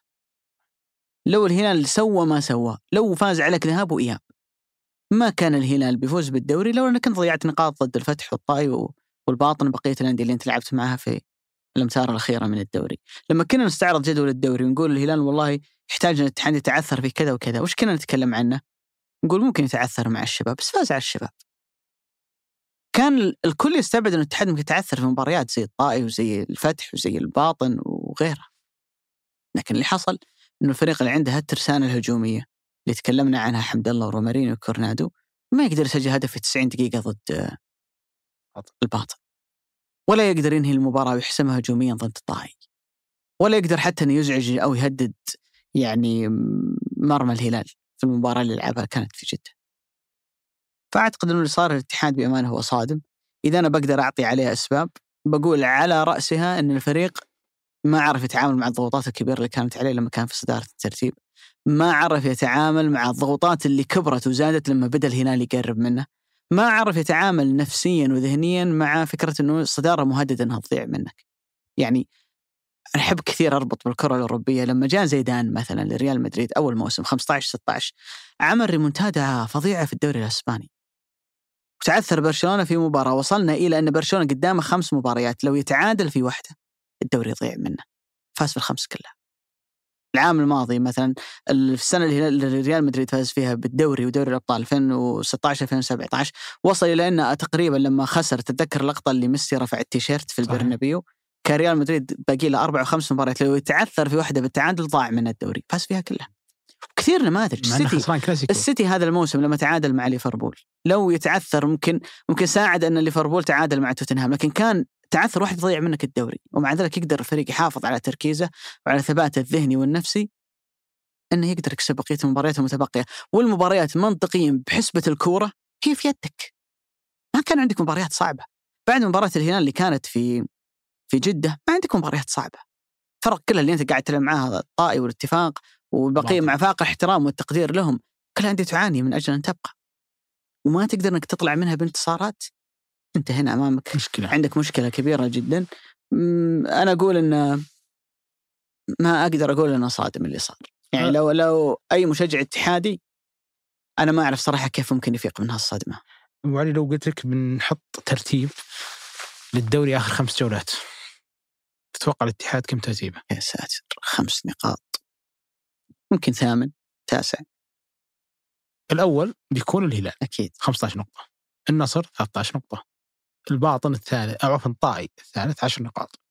الشباب الثامن آه، بثمان نقاط الرابع والتعاون بثمان نقاط الخامس والباطن بثمان نقاط السادس. هذه أول ست. السابع والثامن هم الرائد والاتفاق بسبع نقاط. التاسع الاتحاد. يا ساتر. خمس نقاط. مع من؟ مع الفيصل اللي هبط. خمس نقاط. مستوعب علي إنه آخر خمس جولات نقطة واحدة هي الفارق ما بين الأهلي برضو الهابط والاتحاد. انهيار. طبعا حتى المباراة اللي كسبها الاتحاد اللي خلت عنده خمس نقاط في مباراة الاتفاق كانت على شفا حفرة سواء من تقدم من اتفاق يعني أداء فردي عظيم. من روماريني ولا الساك إنك تخسر. ولا ما ما راح تفوز. انهيار بمعنى الحرف انهيار. انهيار ذهني. تذكر تكلمنا كثير عن مم. اللي صار مع كوزمو كونترا يوم قال هذا وقت الرجال ما هو وقت الأسماء. مم. انهيار حتى على مستوى التصريحات. كوزمو كونترا بعد مباراة الطائي كان واضح إنه يتعامل مع الدوري هذا إنه خسره. قال هذا الفريق هو هو نفسه انهار في مباراة الاتفاق. قال مباراة الطائي أبو علي قال في المؤتمر هذا ما هو الفريق اللي دربته بداية الموسم. ما في مدرب ينافس في الرمق الأخير يحاول يعري لعيبته قدام الناس. دياز بعد آه، مباراة الهلال الأخيرة قدام الفتح انطرد كويلار. وتوقف علي بليهي وتوفق جانك وتوقف جانك. اللعيبة ما راح يلعبون ترى الجولة الأخيرة. ولو تكلم عتب لمح أشفى غليل الجمهور. ممكن يصير أي شيء ما يحبه في غرفة ملابس. بس. قال بالنص عندي فريق يعوض الدكة، الدكة اللي كانت بتعوضهم جحفلي سعود الحميد يعني فريق يعاني. بس قدام الناس كان يقول عندي فريق يعوض الدكة وهم لعيبة كبار وبنفقدهم بس بيرجعون يحتفلون معنا ولا هذا الكلام. جانج نفسه أبو علي وقف في ال mixed zone. لما نسال وجانج في الملعب لما أخذ أصفر البلاي الثاني بغى يموت. كان مرة زعلان. ولكن لما سالنا المراسل بديهيا على طول قال عندنا دكة بتشيل هذا الفريق. إحنا بنسوي كل شيء عشان هذه المباراة. كان سعود يتكلم عن فارق الخبرة؟ فرق الخبرة ما بين دياز وكونترا فرق الخبرة ما بين الهلال والاتحاد. صحيح. ما كان يجب على كوزمين كونترا بأي حال من الأحوال حتى لو خسرت الدوري إيش تلغى الدوري خسرته من فترتك الأخيرة؟ يعني لو تعثرت قدام الاتفاق ما كان يجب بأي حال من الأحوال إنك تصف ضد لعيبتك. أنت بتقاتل لهم إلى آخر الجولة أنت ما راح ما راح تغير. هذول لعيبتك أنت ما راح تروح بعيد دكتك الغير مجدي هذه هي نفسها. لعيبتك اللي خذلوك من اللعيبة الكبار هذول هم. أنت بتختم بهم. أنت نفسك لما تدخل غرفة ملابس ما راح تشوف غيرهم. ما في فترة مم. انتقالات. هم أدواتك. هم أدواتك. كيف تطلع مرتين صف ضدهم في فترة واحدة؟ ما هو منطقي. هل أنت عندك خيارات على مستوى اللعيبة الشاب إنك بتصعد أحد وتفكر أصلا في هذا الموضوع؟ لا هم نفسهم بيرجعوا يلعبون. هل أنت عندك فكرة إنك بتغير هذا الأسلوب؟ لا تلعب بنفس الأسلوب. ما, راح ما عندك مجال. كيف تحاول أبو تبري ذمتك. قدام الجمهور. عشان تشيل اللاعبين؟ أبو سعود أنت تتكلم عن تصريح اللي جاء بعد مباراة الطائي، بعد مباراة الطائي خلاص. مصيرك في يد الهلال، أبو علي أمس لكن ليش أنت وصلت إلى نقطة أنك تخسر من الهلال وتخسر من لا بس الطائي؟ بالتصريح مباراة الطايب علي هل تشوف إنه مباراة لا لا ما هو برا ابدا بالضبط أنا هذا كان الهلال أمس كان ممكن ما هو. مبرر ابدا. مباراة الطائي بعدها في فترة. توقف وأنت في نص مم. المعسكر البسيط هذا غردت وأنت اللي ما يغرد. بالعادة هذا وقت الرجال ما هو وقت الأسماء إيه، بس أنا التساؤل اللي عندي إنه ليش صار اللي صار في الاتحاد بعد فترة التوقف؟ أنا أعيل صراحة اللي ساب ذكرناه إحنا في الفترة الماضية الا وهي لما إدارة الاتحاد ما طلعت الرخصة الآسيوية ومشت هذا الشهر خلينا نريح فيه. 40 يوم. هذا وقت كله أنت جلست تحاول يعني أعطيت إجازات هذا أول شيء. أعطيت إجازات في رمضان. تعرف يصير في رمضان؟ أصلا في اللاعب هو مو مجاز. أي لاعب. يعني الهلال نفسه شوف كم مرة داور دياز كلنا يزيد. وزننا في رمضان أصلا. أنا ما يزيد وزني في رمضان. هذا شيء غريب. يزيد بعد رمضان. لكن آه الفترة هذيك كنت تعطي إجازة في رمضان. وفي وقت انت عندك كم لاعب مسلم يعني. آه، حتى أجانبك يعني سواء حمد الله حجازي كلهم مسلمين. تعرف إيش يصير؟ في نمط ال- الصيام في ذيك الفترة في وقت التدريبات اللي تتغير ازمه تصير. فكيف تفقد الرتم في هذا الوقت؟ تتوقع إنك ترجع بعد العيد وش زينك. هذا كله كوم أنا صراحة برضو أعير لشيء ثاني لو هي آه، صح اسم واحد بس أنا والله إني دائما أعير إنه لو كان موجود في مباراة الطائي والاتحاد ما راح يخسر رومارينيو. مم. رومارينيو فقدانه يعني فقدان شيء كبير لما توقف قدام. الطائي فقدت الحس اللاعب اللي كذا ياخذك خطوة قدام حتى وانت سيء. لأنه هو سبب مرتبط بالسبب الثالث إنه الاتحاد ما عنده دكه بدلاء إحنا مم. كلنا نتفق بهذا الموضوع الاتحاد ما عنده دكه بدلاء ابدا والفارق ما بينه وما بين الهلال في هذه النقطة كان كبير جدا ولكن الاتحاد فعلا أخذ كثير هذا الموسم آه، من النقاط مبنية على قدرة لعيبته الفردية العالية حمد الله روما إيجور كورنادو عبد العزيز البيشي قدم موسم جدا رائع صراحة فأنا أعيله لهذا الموضوع أنهم عندهم قدرة عالية جدا في. أنهم ي... خلينا نقول يضيفون لك كلعيبة أساسيين بس لو. فقدتهم ترى الفرق كبير ما بينه وبين حمد الله فرق كبير ما بينه وبين كمارا. قص هذاك خط الوسط كان مم. أنا يعني بضيف نقطة بعلي برضو سم. واحدة من أكثر الأشياء المزعجة في الاتحاد كيف تفقد نجومك؟ مو بلهذا الموسم اللي في ثلاث سنوات قدام. اللي منافسك الأول. كيف يجي كذا يفرغ دكتك. ياخذ سعود الحميد قدامك ياخذ عبد الله المالكي قدامك. في وقت أنت تفقد واحد مثل عبد الك- عبد الكريم الأحمدي في إصابة المفصل تفقد إلى نهاية الموسم أنت فقدت ثلاثة كذا أساسيين قدامك. محورين وظهيرك الأيمن بس في عشر سنوات. هنا عبر الاتحاد كانت ذيك في مرحلة صعبة الاتحاد وعبر منها. أنا أتذكر في جملة قلتها لما فاز ريال مدريد بدوري أبطال أوروبا استفتحنا فيها احد الحلقات قلت إنه كرة القدم إحنا نبالغ في وصفها دائما إنها لعبة مبنية مرسومة تكتيكية م- معتمدة على اللاعب وين يوقف لكنها في نهاية الأمر هي لعبة عاطفية. وهنا لما تكون لعبة عاطفية هي مرتبطة بالعواطف بحالتك الذهنية حالتك النفسية اللي أنت تكون موجود فيها. أنا أقدر إني أقول إنه اللي صار الاتحاد هالموسم هو واحد كذا من النماذج أو الأمثلة اللي لو بتألف كتاب عن التاثير النفسي والذهني على لاعب كرة القدم تاخذ الاتحاد كنموذج. لأنه لو تتكلم بالمعايير الفنية ما كان من الممكن الفريق هذا يفقد الدوري. مش معقول إنك تعدي الفترة اللي غايم فيها حجازي وتكلمنا كثير عن تميز الدفاعي اللي جاء في فترة كان يلعب عمر هوساوي حمدان الشمراني يلعب سنتر عبد الله الحافظ أحيانا يلعب في بعض الأحيان كنا نشوف حتى زياد الصحفي وتعاني دفاعيا لما يرجع حجازي. مش منطق. مش منطق إنه أنت تتميز هجوميا في فترة غايب عنك كورنادو. ولما يرجع كورنادو اللي يعطيك هذا الامداد الهجومي الكبير جدا ترجع تعاني مرة ثانية هجوميا. حاجة كذا لو أنت تحسبها بالحسابات المنطقية للكرة ما تجي ما تركب. لكنها صارت. ليش؟ لأنه في نهاية الأمر الإمكان...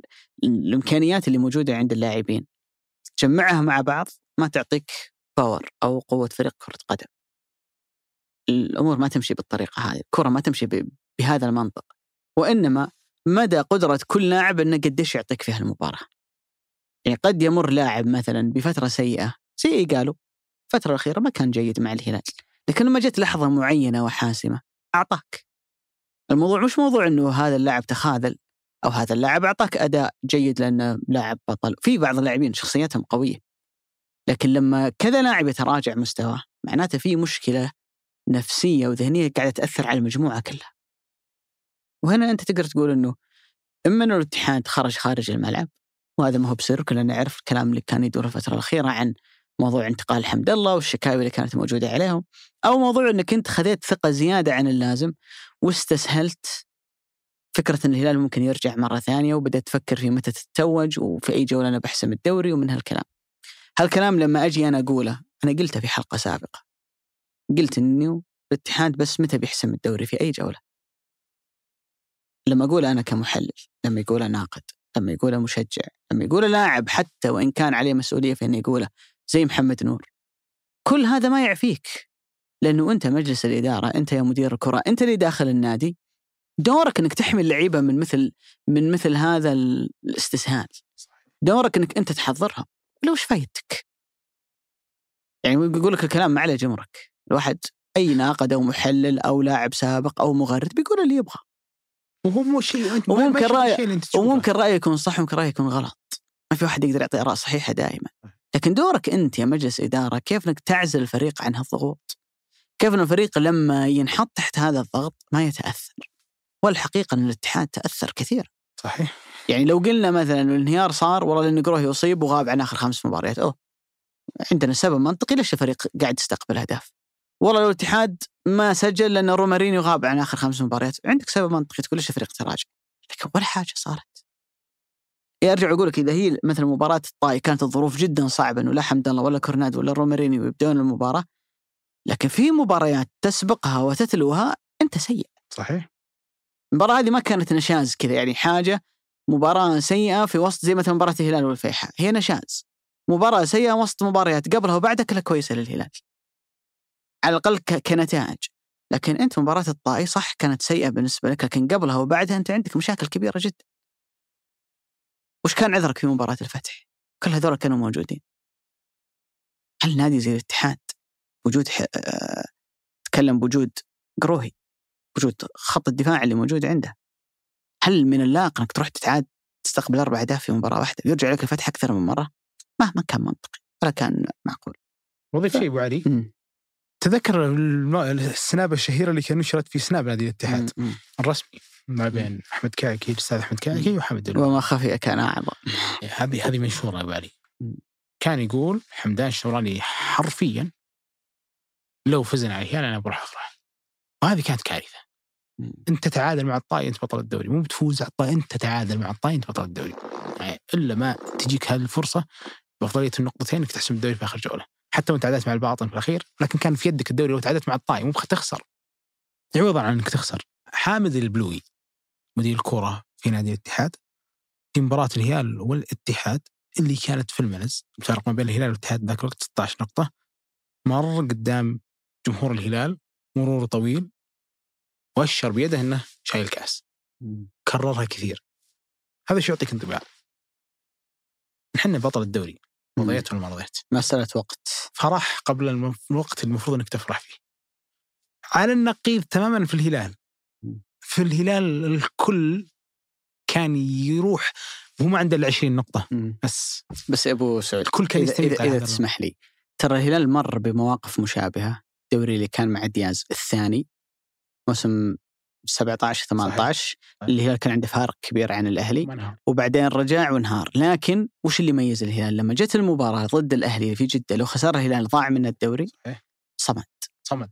ولا خسر. فأنا أقول من الممكن ترى تمر بالهلال وتمر بأكثر لا، من فريق. الهلال مثلا لما كان متقدم على النصر موسم آه، رزفان كان في فارق كبير. بعدين النصر قلص الفارق ثم جت مباراة 4 1 صحيح. هي اللي حسمت الأمور. أنا ملامتي على الاتحاد أنه المباراة ذيك على الأقل لا تخسر. أنا أق... أنا لا تخسر. أنا- إذا أنت ما أنت قادر تفوز على الهلال في جدة لا تخسر. بالضبط. وأنا معك والله أنت اللي أنا- رجعت الهلال لل- للدوري بخسارتك أنا هذيك أقول لك المباراة. قدام الطاي قدام الطاي لا تخسر. ما راح تخسر الدوري. بيصير فارق نقطتين ما زال ما بينك وبين. الهلال.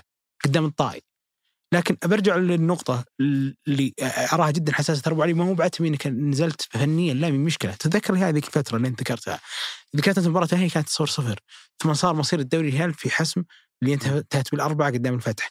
ما قبلها الهلال كان كمية غيابات مرعبة.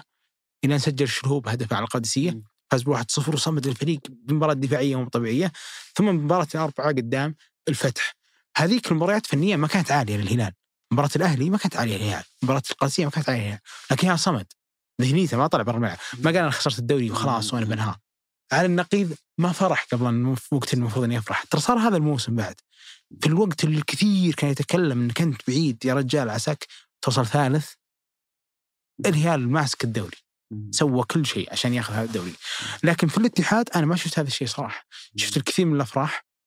شفت خسائر لركائز في يناير. وأنت تحس في ذاك الوقت وتشوف الرصيد النقدي تقول الهلال بعيد عني. باخذ الدوري ثم ببدأ أبني على الموسم الجاي. وخسرت كثير.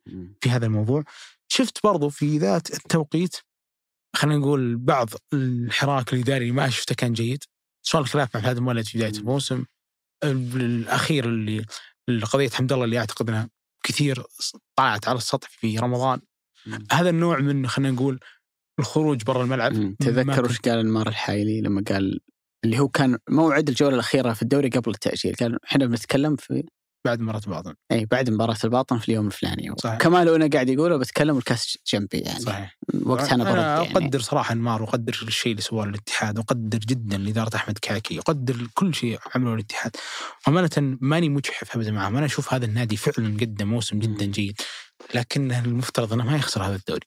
خسارتك للدوري هي بناء على الكثير من القرارات الخاطئة اللي أنت سويتها. مو بس ان منافسك تفوق انت قراراتك الفنية كانت خاطئة. خسارك ركائز في يناير قدرتك آه على إنك في وسط الموسم أو عدم قدرتك إنك في وسط الموسم إنك تضبط فرحك وإنك في. المباراة الكبرى على الأقل ما تخسر. يا أخي كيف. الهلال ياخذك رايح جاي؟ والله انها شيء وهو جايك من 120 دقيقة أمام الفيح. ما كان منطقي ابدا. وفي تراكم عليه في المباراة الأولى. جايك بعد مباراة أهلي وشباب وكاس قدام النصر مرتين. كيف تخسر قدامه؟ وانت قدمت فريق المباراة المباراتين كلها لا المباراة الأولى ما تقدمت عدلت المباراة الثانية تقدمت. كيف ياخذك رايح جاي؟ الهلال بأي شكل من الأشكال. كيف الشوط الثاني في مباراة جدة قبل الهدف الثالث ميشيل ما عاد انت تمسك الكرة وهو المراهق مو كأنك أنت المراهق. يعني هو اللي المفروض إنه ينهك. انت جاي على هو جاي على أرضك. يا رجل على الأقل على الأقل امسك الكرة وحاول إنك تسجل هدف ثاني بس لا تستقبل ثالث في كل الأحوال. هذا الشيء كله ما صار في الاتحاد خلينا ننتقل للقطب الآخر. في جدة. والله أني موجوع صراحة وأنا أتحدث عن الأهلي. يعني أنا أقول أنه الحدث الكبير اللي صار عندنا هو هبوط الأهلي. أكبر من أي حاجة ثانية صارت هالدوري. الهلال هو الدوري رقم 18 السنة الجاية راح تفوز بطل دوري السنة الجاية ممكن يفوز بالدوري. والاتحاد لو فاز بالدوري يعني عنده رصيد. ولو رجع البطولات فهو الاتحاد. وأمر يعني بيكون لقب دوري من بين جملة بطولات موجودة عند الاتحاد. لكن الشيء الاستثنائي اللي ما قد صار ولا توقعنا إنه يصير. إنه نشوف نادي زي الأهلي يلعب في دوري ألو ينزل إلى دوري الدرجة الأولى. أنا ما أذكر طوال سنوات متابعتي إني شفت فريق أوروبي كبير ينزل يلعب درجة أولى. يعني ليفربول. هو فريق واحد عانى هو فريق واحد ولا بس ولا هو اللي يسال فني. يوفنتوس ولا إيه، بتكلم فني. مو بسوء فني إنه. قرار. يعني لكن ما اتذكر يعني مثلا سنوات قديمة جدا اللي نزل فيها أتلتيكو لدوري الدرجة الأولى. أم، أتذكر يعني حتى حتى على مستوى إنجلترا إسبانيا في كل مكان. تكلم عن نادي يتكلم عنه إنه هو واحد من ركائز الدوري. شوف ينزل دوري آه، درجة أولى أمر غير معتاد. شيء ولا كان في الأحلام. يعني يمر الفريق بمعاناة مر الاتحاد قبل كم سنة لكن ما ينزل. يمر مثلا فريق يتراجع يصير في منتصف جدول الترتيب زي الأهلي الموسم الماضي لما كان الثامن. كنا نتكلم عن موسم كارثي للأهلي هو ثامن. لكن إنك تنزل درجة أولى صدمة. أنا أنا أقول إنه ما في كلام صراحة يوصف الصدمة اللي صارت. وبقدر ما إنه الواحد مصدوم صراحة اللي شاف ردة فعل جمهور الأهلي. شيء مؤلم. والله العظيم شيء مؤلم. يعني أنا ما أعتقد ان في سبب ممكن يخلي رجل بالغ ينهار بهذا الشكل. يعني. الله يحفظ لكل أحد أهله ووالديه وأحبابه يعني باستثناء إنه أحد من يعني من ذويك يصير له مكروه. ما في شيء ممكن يوصلك الحاله ذي. لكن لأن جمهور الأهلي هو أصلا جمهور عنده تعلق كبير جدا بناديه. وقل يمكن أنا من الناس اللي قد قلت في فترة سابقة إنه أكثر جمهور يعطي وأقل جمهور ياخذ. لكن وصل إلى درجة إن اللي قاعد ياخذه هو قمة قمة السوء. قطعا. الأهلي هو نموذج اليوم انت تقدر تاخذ وتفصل على كيف يمكن للاداره أن تقود فريق نحو الكارثة. يعني إذا جاز الربط بين الموضوعين أو بين الحالتين وأنا هنا والله ما أعني أحد يعني بعينه أو خلينا نقول بشخصه وأنا اتكلم عن عمل. ما أنسى مرة شفت فيلم وثائقي كان يتكلم عن عن هتلر كشخصية. فقال أحد المحللين النفسيين قال لقد كانت خطيئته الكبرى أنه كان متاكدا مما يفعله. قال لو ساور الشك للحظه هل اللي أنا قاعد أسويه صح ولا خطأ؟ كان وقف، كان في لحظة معينة قال وقفوا يلا رجعنا مرة ثانية فلتنتهي الحرب. لكنه كان ما يشوف شيء صح إلا قراراته ووجهات نظره. وهذا بالضبط اللي صار في الأهلي. في وقت من من بداية الموسم الناس تصيح. فريق أول ثمان جولات ظهر ما فاز في ولا مباراة. لما كانت الخسائر والتعادلات اللي معها صحيح ما كان ترى مجلس مجلس إدارة ما كان يرى إنه في مشكلة تستوجب التغيير العاجل. لما الفريق أنهى الدور الأول وترتيبه متأخر ما كانوا يرون إن في شيء يستدعي إنه تتغير التغيير الكبير هذا. إنك في الفترة الأولى تلعب ستة لاعبين أجانب وما تعتقد إن هذه مشكلة وترجع تكرر نفس الغلطة في الفترة الثانية معناته إنه أنت كما قال صاحبنا أنت متأكد مما تفعل. أنت ما أنت قاعد ما أنت قاعد تاخذ كل هالانتقادات كل هاللوم محمل جدي على محمل الجد إنه أنا فعلا عندي مشكلة. يعني أصلا متى بدينا متى بدينا نسمع حديث جدي وحقيقي عن الأهلي ممكن يهبط؟ ترى تأخر الموضوع كثيرا. يعني ذكر الس- السنتين تقريبا الاتحاد كان يعاني فيها من الدور الأول إحنا نسمع الاتحاد بيهبط. وتبدأ الإدارة تتحرك يعني من اللي يقيل مدرب زي بيلتش؟ وأنت أصلا دياز بقى معك ثلاث مباريات ممكن انك تكون استعجلت على دياز لكن جبت واحد اسم قيمة ومبلغ عالي جدا زي بيلتش لما شعرت إن الأمور بدأت تخرج عن السيطرة قالوا بيقول لك واحد والله كان في دعم وقتها. أنا ما بتكلم عن القضايا المالية. جمهور الأهلي بي- بيقبل وبيغفر لك. لو غرقت النادي ديون وبقى أكثر من إنه يغفر لك لو أنت نزلت فريق درجة أولى. لأنه الديون على مدى سنة سنتين تتسدد الفريق يتوقف عن تسجيل. الفريق يفقد كم لاعب كل هذا مقبول. اليوم أقول لك لو تقعد مع مشجع أهلاوي تقول له مين أهم لاعب عندك؟ عبد الرحمن غريب. يطلع من النادي ولا الفريق ينزل درجة أولى يقول لك يا أخي رح خل 20 غريب بس خلني في ما أنزل درجة أولى. لأن هذه حاجة تظل في تاريخك تظل نقطة سوداء في تاريخك مهما سويت بعدها. إنه أنت نزلت درجة أولى. أنا أقول الأهلي كان ضحية صراحة. ضحية لقرارات خاطئة عديدة ارتكبت من بداية الموسم. يا أخي كلنا لنا آراء في الكورة.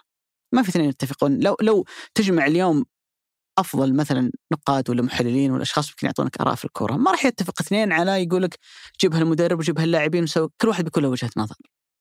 لكن أحيانا قد تكون وجهة النظر ال- الضرر الحقيقي هو في الإصرار عليها وفي التمسك بها. في حين أن كل الدلائل والقرائن قاعدة تقول لك ترى في في في غلط قاعد يصير. في مشكلة قاعدة تصير. كنت أتذكر لما تعاقد الأهلي مع سيبولد قلت أنا لما أكون في أزمة وأكون مهدد فعلا بالهبوط الاتفاق فكر في مين؟ في كارتيرون الطاي في سيرا الباطن في هورفات كلهم الثلاثة كان عندهم تجارب تجارب وين؟ ناس دا الهورفات وكارتيرون دربوا النصر قبل لا يدرب التعاون كارتيرون تكلم عن سيرا كان في الاتحاد فراحوا بحثوا عن أسماء معروفة ولها اسم ولها تاريخ وعندها تجربة في الدوري. التعاون والرائد على سبيل المثال لجأوا إلى عامل نفسي إنه أنا أجيب مدربين وطنيين كابتن محمد العبدي وكابتن يوسف الغدير. أنت يوم جيت تحاول إنك تنقذ الموضوع لا جبت واحد عنده تجربة ولا عنده CV كبير ولا هو مواطن عشان تقول والله يبي تجربة يحفز اللعيبة المحليين يعني تقول على نهاية الموسم أصلا برادريتش طلع من الموضوع كوم طلع صار ما يلعب بكل المباريات دانكلر صار ما يلعب من اللي في يدك؟ من اللي قاعد يحميك الحين؟ لعيبتك المحليين ليش ما جبت صالح المحمدي؟ ما جبت أي واحد من من لاعبي الأهلي السابقين؟ على الأقل نفسيا. الفريق في مباراة الرائد كان ميت حرفيا. يعني إحنا ما كان عندنا حلقة بعد الجولة الماضية كارثة اللي صار في مباراة الرائد. الأهداف يا أبو علي الأهداف تضحك. تعرف يقولك شر البلية ما يضحك؟ والله العظيم إنه شر البلية ما يضحك اهداف الرائد في ذيك المباراة. مع احترامي وتقديري وإجلالي لعمل الإخوان في نادي الرائد. والله ليس تقليلا منهم. لكن هم أنفسهم ما توقع إنهم توقعوا مباراة سهلة للدرجة هذه. الملعب مليان في 50 60 ألف لا إحساس ولا ضمير طيب أنت أصلا تعثرت في مباراة الرائد قدامك 90 دقيقة لو تفوز على الشباب بقيت وش الصدمة النفسية المعنوية اللي أنت قررت أنك تحدثها؟ أقلت مدرب؟ لا. أنت يا الرئيس استقلت؟ لا. سويت أي حاجة؟ لا. وش اللي خليك تتوقع أن اللاعبين هذول بيقاتلون بعد كم يوم وهم كانوا بحالة الانهيار الفظيعة جدا اللي كانت في مباراة الرائد؟ يا رجل لدرجة وهو والله العظيم مشهد ما ودك تشوفه. الجمهور يحذفهم بالقوارير اللعيبة عرفت اللي ما يحاول إنه يهرب ما يحاول.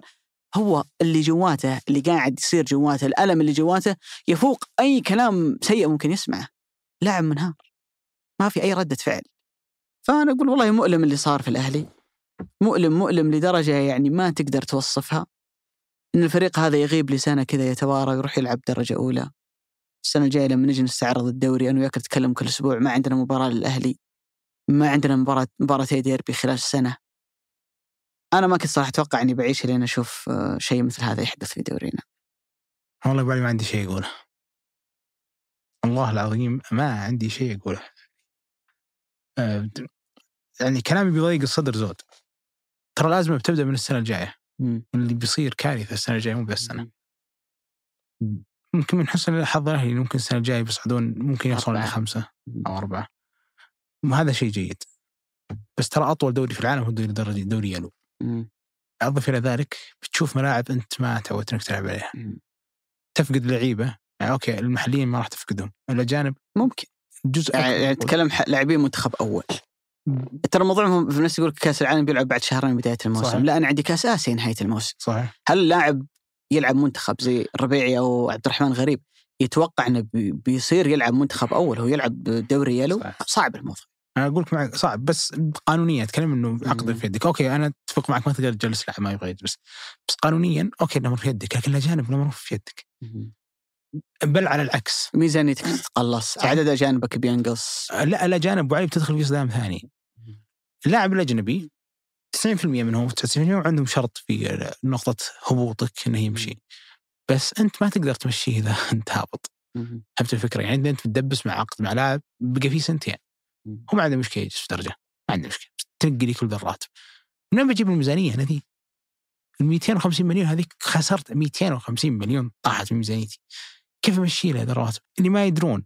السنة هذه السنة هذه نادي العين لما هبط بدأت المباراة الأولى ما في ولا لاعب العين دخل الملعب. دخل اللاعب النادي المنافس ونحسب هذوليك على أنهم منسحبين لأنه ما ندفع لهم ولا راتب لأنهم ما سووا لهم معسكر لأنه ميزانيتهم ما كانت توافي العقود اللي هم يملكونها. لأنه وقع عقود بناء على السنة الأولى اللي كان فيها في المحترفين. لما جت السنة الثانية من 250 مليون ما تصل عندي ل 50 مليون أو أقل حتى. يعني مداخيلك توصل إلى 5 مليون في هذه الحدود المداخيل اللي أنت متعود إنك تأخذها فمن وين أوفر هالرواتب؟ من وين أجيب للناس هذه فلوس؟ فما سلم رواتب فما لعبوا فنحسب إنه منسحب في أول جولة.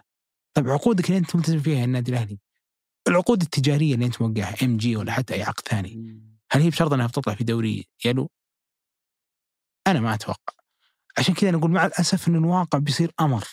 افترض معي جدلا الأهلي باع نجوم دخل مداخيل مشى اموره صعد. بالمجموعة هذه بصعد بها. كم بيحتاج من سنة عشان يوصل يرجع لمثلا ينافس. يعني 2016 وكان بطل دوري مم. أنت تتكلم هنا عن عشر سنين. ما ودي خوف أحد بس أنت تتكلم هنا عن عشر سنين. خذ لك كم سنة ترفع مداخيلك كم سنة ممكن تاخذ فيها كاس؟ حتى لو اخذت كاس ممكن تهبط السنة اللي بعدها. صارت مع فيصل. الفيصل هي صحيح. فيصلي صحيح. الدوري هو الأساس. الفيحة يعني علي. الدوري هو الأساس. فتح بالي صعد حقق الكاس. وممكن السنة الجاية. وارد ليش؟ طبعا أي نادي جماهيري تأخذ عشر كؤوس بس ما تهبطني سنة. تهبطني سنة أنت تنحرني. مم. ابى اخذك بعد ثاني أبو علي. كم شاب بيعي على كرة القدم في هذا الوقت بيقول أنا أشجع نادي ثاني غير النادي الأهلي؟ انت تضرب هنا في قاعدتك الجماهيرية. أنت لما تفقد عناصر الشباب اليوم من المشجعين ما يشجعونك أعرف ما راح يشجعك حتى مستقبلا حتى لو تألقت. أنت اليوم تعتمد على شيء الجماهير بتكبر. لما تكبر هذا يعني إنك بتحتاج تسوي إعجاز ثاني نفس إعجازك إنك تاخذ 10 كأس ملك تاخذ دوري في 2016 تحقق لك بطولات عشان ترغب هذا الجيل عشان بعد ذلك تجيك رعايات بحكم إحنا مقبلين على نوعا من الخصخص خلينا نقول أو اعتماد الأندية على مداخيلها إلى حد كبير مثل ما هو صاير اليوم في الهلال. فكيف أجيب أجذب هالناس أنا في الدوري الدرجة الأولى؟ أو حتى لو صعدت كيف هو بيكون يشجعني؟ مم. فانت تعتمد على كل على مشجعينك القدامى اللي هم أصلا بعضهم ممكن يتركك لسلامة قلبه. صحيح الأمر والله يا أبو علي مهما حاول- الوصف والله يفوق الوصف كارثة. أنا أقول إنه كل ما تراه اليوم من أنا آسف على هالكلمة من سخرية وتندر هي ولا شيء مع اللي بتشوف السنة الجاية صحيح ولا شيء مع اللي بتشوف السنة الجاية لما تصير مبارياتك تلعب العصر ناقل مختلف عن ناقل مباريات دوري المحترفين. مبارياتك تصبح هامشية تروح تلعب في ملاعب أنت ما اعتدت عليها ولا شيء أنت ما شفت شيء للحين. ولذلك الواحد يتألم لأنه ما يستاهل جمهور الأهلي إنه يصير فيه اللي صار فيه. صحيح. يعني شيء شيء مؤلم بأمانة. وارجع واقول لك هي هي قرارات إدارية. يمكن قلناها عن الهلال إنه كيف كان هو الأهلي فارقين عن البقية. قبل خمس سنوات ما تتكلم عن فترة. زمنية سحيقة.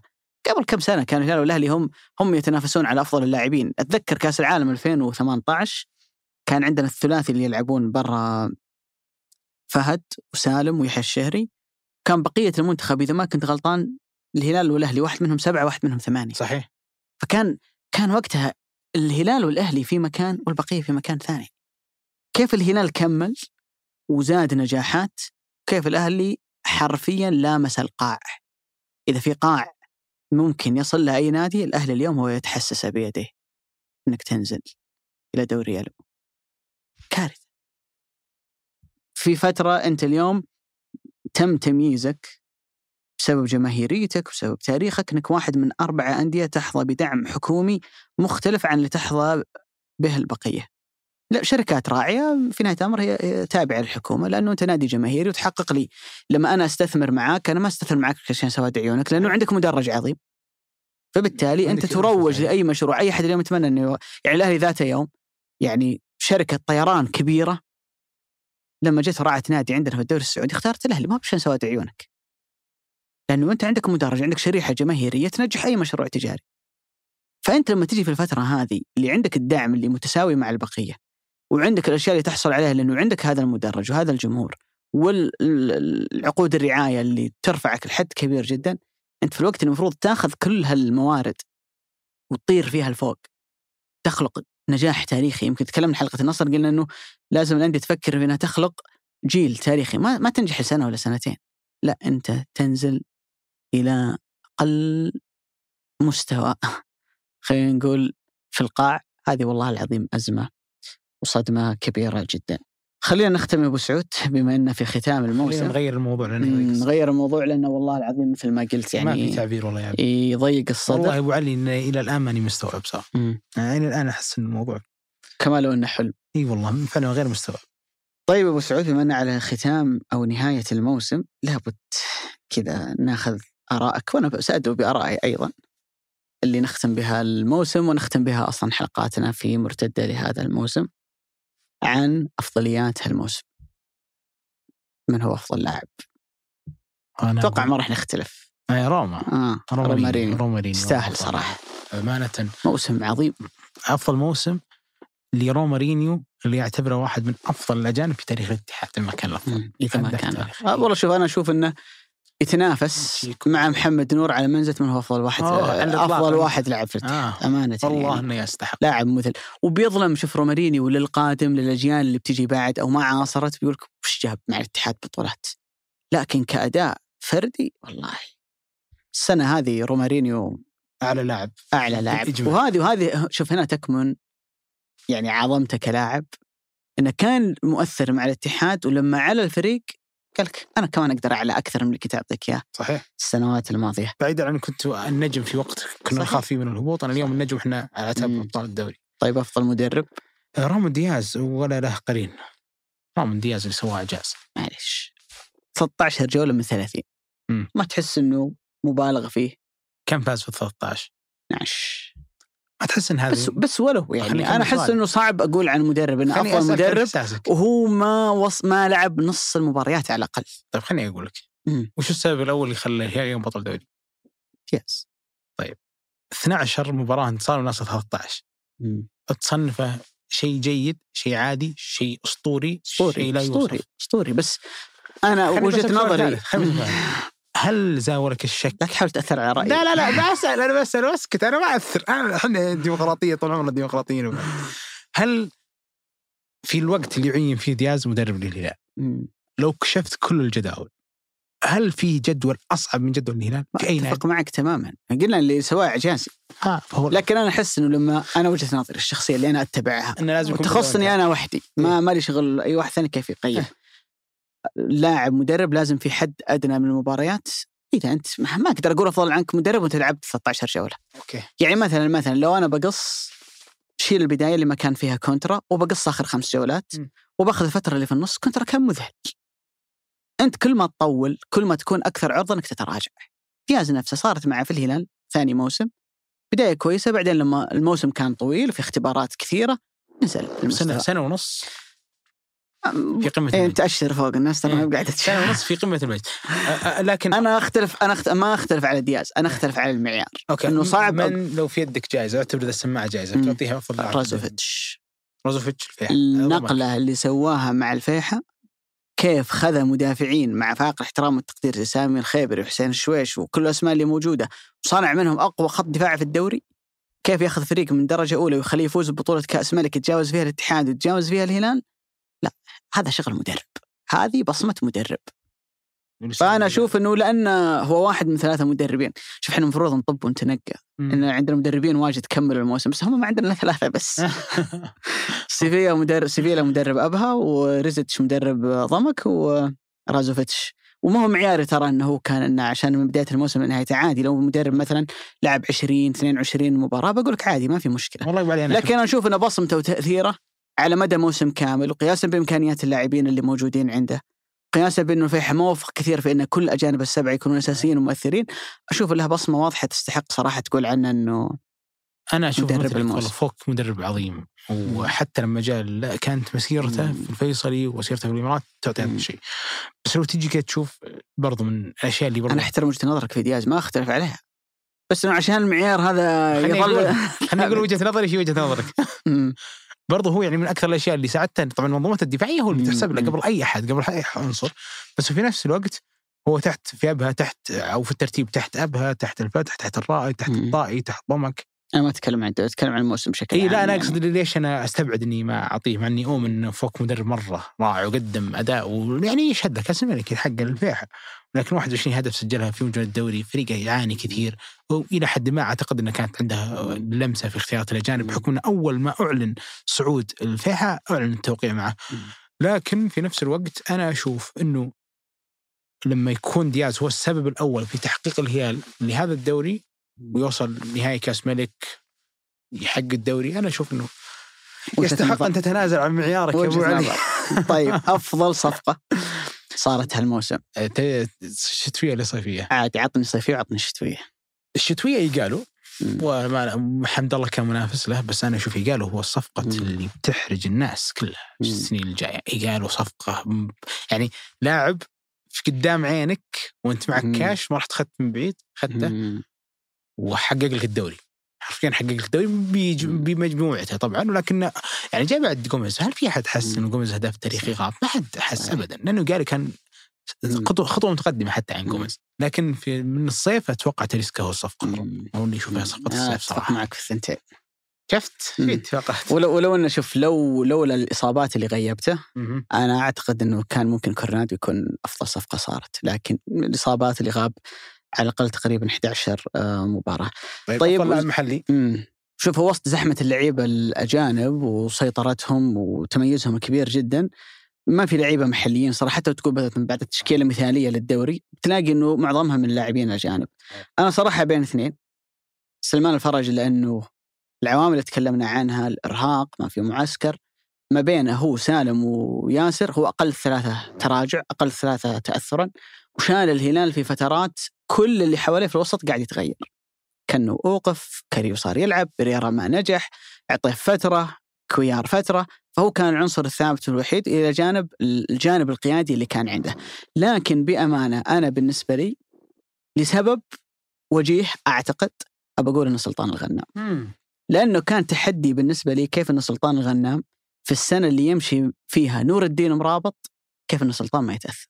يعني سلطان السنوات الماضية مع إنه أصيب اصابه طويلة نقطة قوة له لعب 25 مباراة م. من 30 نقطة قوة سلطان إنه كان دائما إنه يزيد على اليمين مع مرابط، مرابط مثلا يكون يوقف على الكورة يقدر يحميها سلطان هو اللي يعمل الزيادة.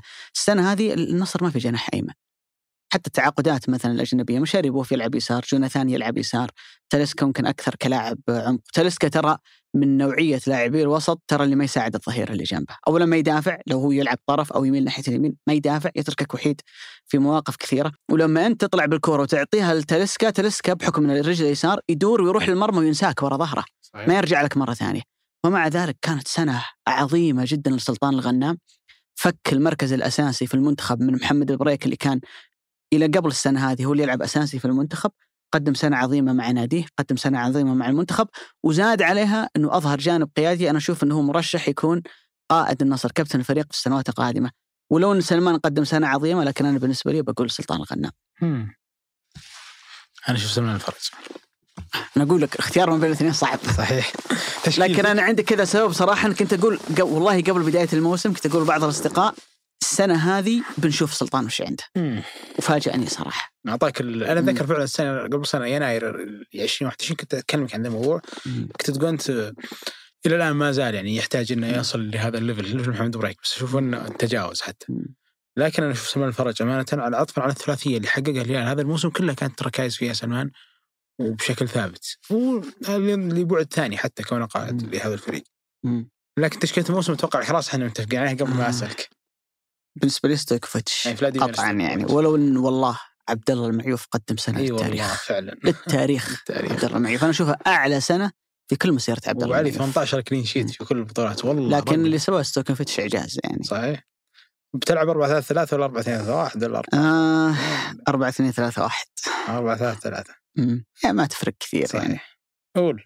طيب على مستوى الظهير الأيمن طبعا سلطان الغنام أكيد يعني. ما راح أقول ما راح أقول إنه أفضل ظهير.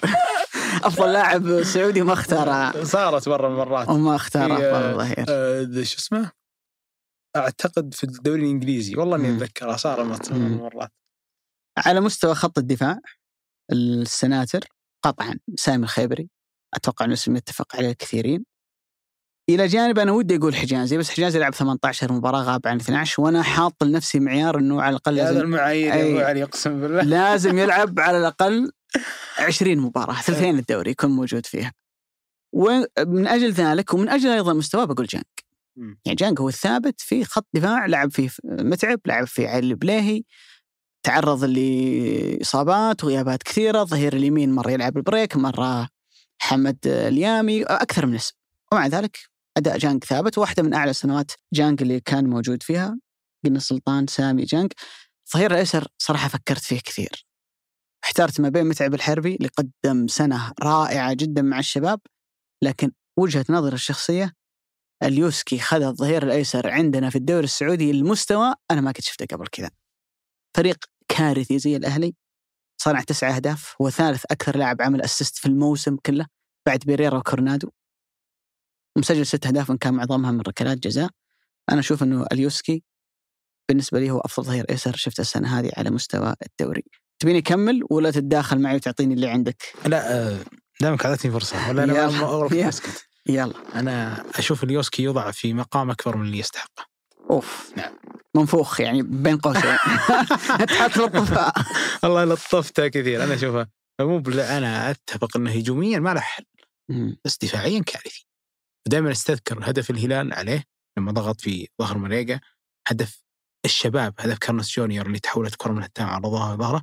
كل هالهدفين شوفها من بدايتها تلقى اليوسكي ضاغط على الظهير المعاكس له ويتكاسل في الضغط في التغطية فينفتح القائم الثاني فيتسجل منه. يعني تاخذ إنه في الأساس هو مدافع فلازم تكون كويس وراه يعني. طبعا أنا اتفق معك أبو علي إنه دفاع الأهلي كارثي محل الأهلي كارثي.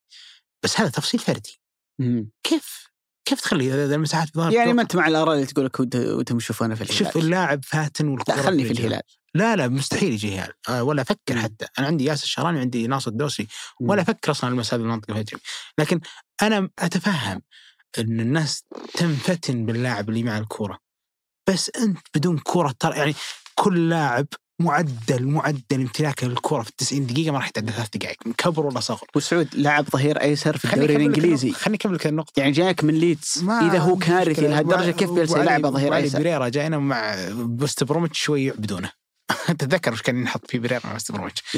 لا وفي عمر اصغر منه وفي حالة تقييم ما, ما مم. كل شيء كان أعلى مع ذلك شفت إيش صار. لكن أنا أتكلم عن معدلك ترى في المباراة كلها تمسك كرة ثلاث دقائق. في العداها أنت عندك مشاكل. مباراة مم. الاتحاد الأربعة كانت عندك مشاكل، مباراة الشباب خروج من كأس الملك كانت عندك مشاكل، مباراتين الهلال كانت مباراة أبو الاتفاق. اللي في الشرقية أبو علي ترى الشوط الأول ما لمس الكرة إلا مرة واحدة. طيب يا أبو سعود. واحد عنده. عنده 15 أسهام أسيست وأهداف. ممكن وجهة نظر منطقية. يقول لك المدرب طالما يشوف إنه حل مهم لذي الدرجه أنا أطلب منه إنه يروح قدام. عشان كذا تخلق الم- المشاكل هذه. وراء. طيب أبو علي اللي هو خط اللي هو في فريق متوازن عنده عدة حلول بينضبط. ما راح يكون بهذا الاندفاع قدام. أنا أبو علي ماني ضد إنك تصعد. أنا ضد إنك تشوف مريقة قدامك فاتح ال sprint وأنت تتكاسل ما ما تفك مع sprint. في الأخير هو اللي يسجل. ضد إنك تشوف كارلوس جونيور قدامك تضغط على. فواز يفك sprint تتكاسل تخليه. أو تعطي الخطوات البطيئة هذه إنه خلي ال center يلحقه. فجأة يقص ظهر ال center على القائم الثاني ويسجلها. أنت اللي كا... أنت أو أنت اللي تشوفهم كلهم. كيف تتكاسل كذا؟ فعشان كذا أنا قلنا يوضع عطنا عطنا خط دفاعك طيب. أنا في الظهير اليمين مختار سعود عبد الحميد. اشوفه قدم أداء جدا أسطوري. تحديدا في الرمق الأخير. تحمل ضغط صعب تتحمله في مباراة الاتحاد. مباراة الفتح كان جدا رائع. خذ الخانة من محمد بريك ولما آه، خلينا نقول انحط تحت الضغط اللي يحك اللاعب يبين لك. هذا لاعب كبير ولا لا عمره 21 سنة كان أداء عالي جدا. راح شارك مع المنتخب ثم رجع ولا ولا تأثر ابدا. أشوف سعود عبد الحميد في الدور الأول مع الاتحاد كان متصدر الدوري في الدور الثاني اعطى الهلال كل شيء. يبغاه الهلال من المونديال مباراة الجزيرة وخذ الدوري. فأشوف إنه وجهة نظر مقنعة ممكن ت- آه، كنت أتحفظ. أتحفظ. أشوف في السنوات الحجازي. مع آه، سامي الخيبري. وفي الظهير اليسار شوف متعب الحربي صراحة متعب ما شاء الله اسم مميز. يعني لولا يعني- اليوسكي آه، اختاره بالراحة والله أبو علي أنا صراحة آه، كنت يعني آه، معجب فيه بس لما وقفت أدقق فيه أكثر مرة. تحديدا شفت مباراة اعاده اللي هي للاتحاد والشباب الدور. الأول العرضيتين اللي أعطاه قالوا. عرضيه مو بواحد يعرف. يعرض عرضية واحد. يعرف يشوف قياسا بالعمر. قياسا بالعمر. والإمكانيات والشح الكبير في هذا المركز أنا أشوف متعب الحربي إذا قرر الشباب إنه يبيعه مؤهل ان يكون أغلى لاعب سعودي أوه. لأن الكل يبيه بهذه الإمكانيات وبهذا العمر أي نادي يتمناك سبحان الله عاد قبل سنتين مم. كنت جالس مع وكيله. سؤال قال بالله شوف متعب الحربي قلت "ها، من متعب. الحربي والله مم. علي كذا قلت من متعب الحربي قال واحد كويس. ف فارق كبير ما بين. متعب قبل سنتين. فارق كبير مع إنه ذاك الوقت كان يلعب الزوري في الهلال. وفي الشاب وفي آخر عمره بس شوف. سبحان الله فرصة بسيطة صنع. منها كل هذا الاسم.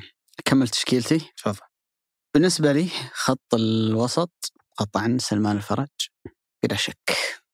هو واحد اللي جنبه مين اللي جنبه شوف ما في ذيك أسماء كثيرة برزت لكن أنا أنا أتوقع بالمستوى اللي هو يقدمه ويؤديه أنا عندي استعداد كل سنة أختار بانيكا.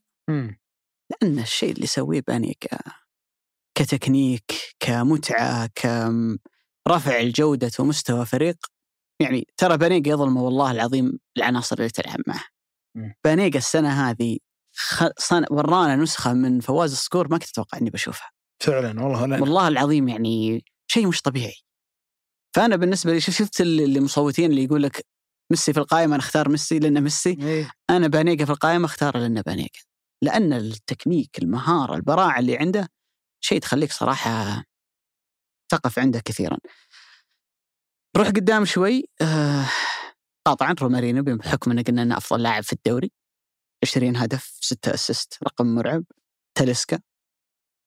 20 هدف واثنين assist رغم إنها أول سنة له مع ال- النصر. قطعا في الهجوم إيجالو ما في خلاف. بقى اسم واحد.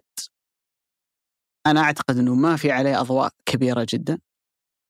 ولا فيه يعني عرفت في focus عليه كبير مع إنه أنا في ظني من أنجح الصفقات اللي أقدر أحطها مع تاليسكا كورونادو وصنع تأثير فظيع جدا للفريق اللي هو كارلوس جونيور. صحيح كارلوس جونيور السنة هذه مع الشباب مش ممكن. صحيح الدوري تحديدا 13 هدف وثلاثة assist، اسهام كبير جدا في دوري أبطال آسيا، اسهام كبير جدا في كل البطولات اللي شارك فيها، واحدة من الصفقات اللي يبني عليها الشباب مستقبله خلال السنوات القادمة. فبالنسبة لي سلمان بانيجا، تاليسكا رومارينيو، كارلوس جونيور و اي قالوا لا مقنعه سلمي أنا ب... أنا ثلاث أربعة ثلاث ثلاثة. بكون في الوسط سلمان جميل. تاليسكا مم. كريستيان كويفا. أوه. اللي سواه كريستيان كويفا في وقت دونيس هو اللي خلانا ننسى إنه هذا الفريق كان مهدد. بالهبوط في نقطة واحدة. أنا والله استأنست لما جددوا عقده. آه، ولاعب لأن لو تشوف عادي. مسيرته في السنوات الماضية كان كل فريق يلعب فيه سنة فترة مم، قصيرة جدا الله. واصلا جاء للفتح عقده كان قصير آه. فلما مددوا معاه أوه بنشوفه هو. وباتنا وبقيه عناصر لسنوات قادمة حاجة مرة صراحة لا واضح إن دونيس أخذ أفضل ما عندهم أو أقنعهم بن دبكة في العشرة كويفا يسار باتنا يمين فراس قدام واضح انه جالس يأخذ منهم شيء كويس فأنا أشوف كريستيان كويفا في الهجوم آه باخذ اثنين من الاتحاد روما والبيشي. راس حربة. إي قالوا عبد العزيز بيشي قدم موسم آه. خلي يخليني أقول هو الطرف. الأساسي في المنتخب في الأيمن أنا أشوفه في هذا المكان وأتمنى أقول يا رب إنه يثبت على هذا المستوى لأنه. مشكلة عبد العزيز الأولى من جاء الاتحاد في حالة التذبذب هذه. فانا أشوف عبد العزيز بيشي هو كيف. قدرت ما تختار بانيكا؟ صراحة هو الأمر جدا محير لكن.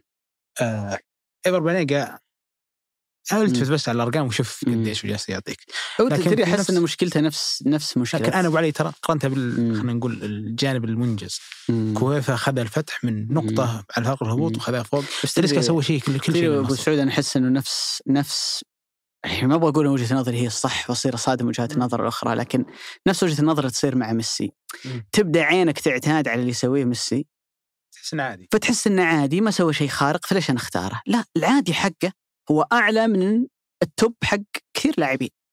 ففعلا في بعض يقول هذا مش أفضل أنا أقول لك ما هو أفضل موسم البانيجا. لكن وهو مش أفضل موسم البانيجا هو الافضل أنا طلعته. بسبب الطرد اللي تعرض له امس شفت انه صار يستحق دليل لأن الطرد صراحة لا طرده كان يفشل صراحة يعني. آخر حلقة يا ابو علي آخر حلقة. في هذا السيزون. إن شاء الله. نلقاكم في نهاية أوغست. هذه حلقتنا الأخيرة طبعا لهذا الموسم. أنتم تعرفون يعني ما يخفى عليكم. صحيح. حبايبنا وأصدقائنا المستمعين. إن يعني الأحداث دائما هي مرتبطة، الحلقات مرتبطة بالأحداث، برنامجنا نمطه مش مثلا حواري أو استضافات يعني في الأساس، وحتى على مستوى الحوارات والاستضافات، أصلا الفترة هذه الكل خلص موسمه يبغى يروح ياخذ إجازة ويرتاح شوي يرجعون الناس على بداية الموسم الجديد. فبإذن الله تعالى راح يكون في توقف خلال الفترة القادمة، أنا وأبو سعود بنريح أيضا موسم طويل جدا. أتوقع ركضنا فيه وإحنا جالسين زي ما يقولون. 11 شهر أبو علي. من خلال ال... يعني التغطية هنا وهناك وبإذن الله تعالى عودتنا راح تكون مع آه، تزامنا مع بداية الدوري اللي راح يكون في أغسطس القادم. عاد مع الجولة الأولى أو نسبقها ممكن في أسبوع أو أسبوعين كتحضير قبل بداية الموسم. عاد سيعلن عن ذلك لاحقا. شكرا لكل أحد وصل معنا إلى هالنقطة من الحلقة. كانت حلقة طويلة أطول من أي حلقة سابقة سجلناها لكن أعتقد لأنه الأحداث اللي كانت موجودة بنهاية الموسم تستحق أن نقف عليها جميعا. آه شكرا لك أبو سعود. شكرا علي موسم. طويل. يعني طويل ومرهق لكن بإذن الله نكون وفقنا في تقديم ما يليق يعني بذائقتكم. آه شكرا لمرام ضبيبان في تسجيل هذه الحلقة. من التحرير أيضا مرام ضبيبان جميل عبد الأحد. من الهندسة الصوتية زميلنا عبد العزيز المزي. وفي إدارة الإنتاج هنادي الهذلي وصالح باسلامة. وفي الإشراف على إذاعة ثمانية سحر سليمان. بودكاست مرتدة أحد منتجات شركة ثمانية للنشر والتوزيع. نلتقيكم بإذن الله تعالى في اغسطس القادم.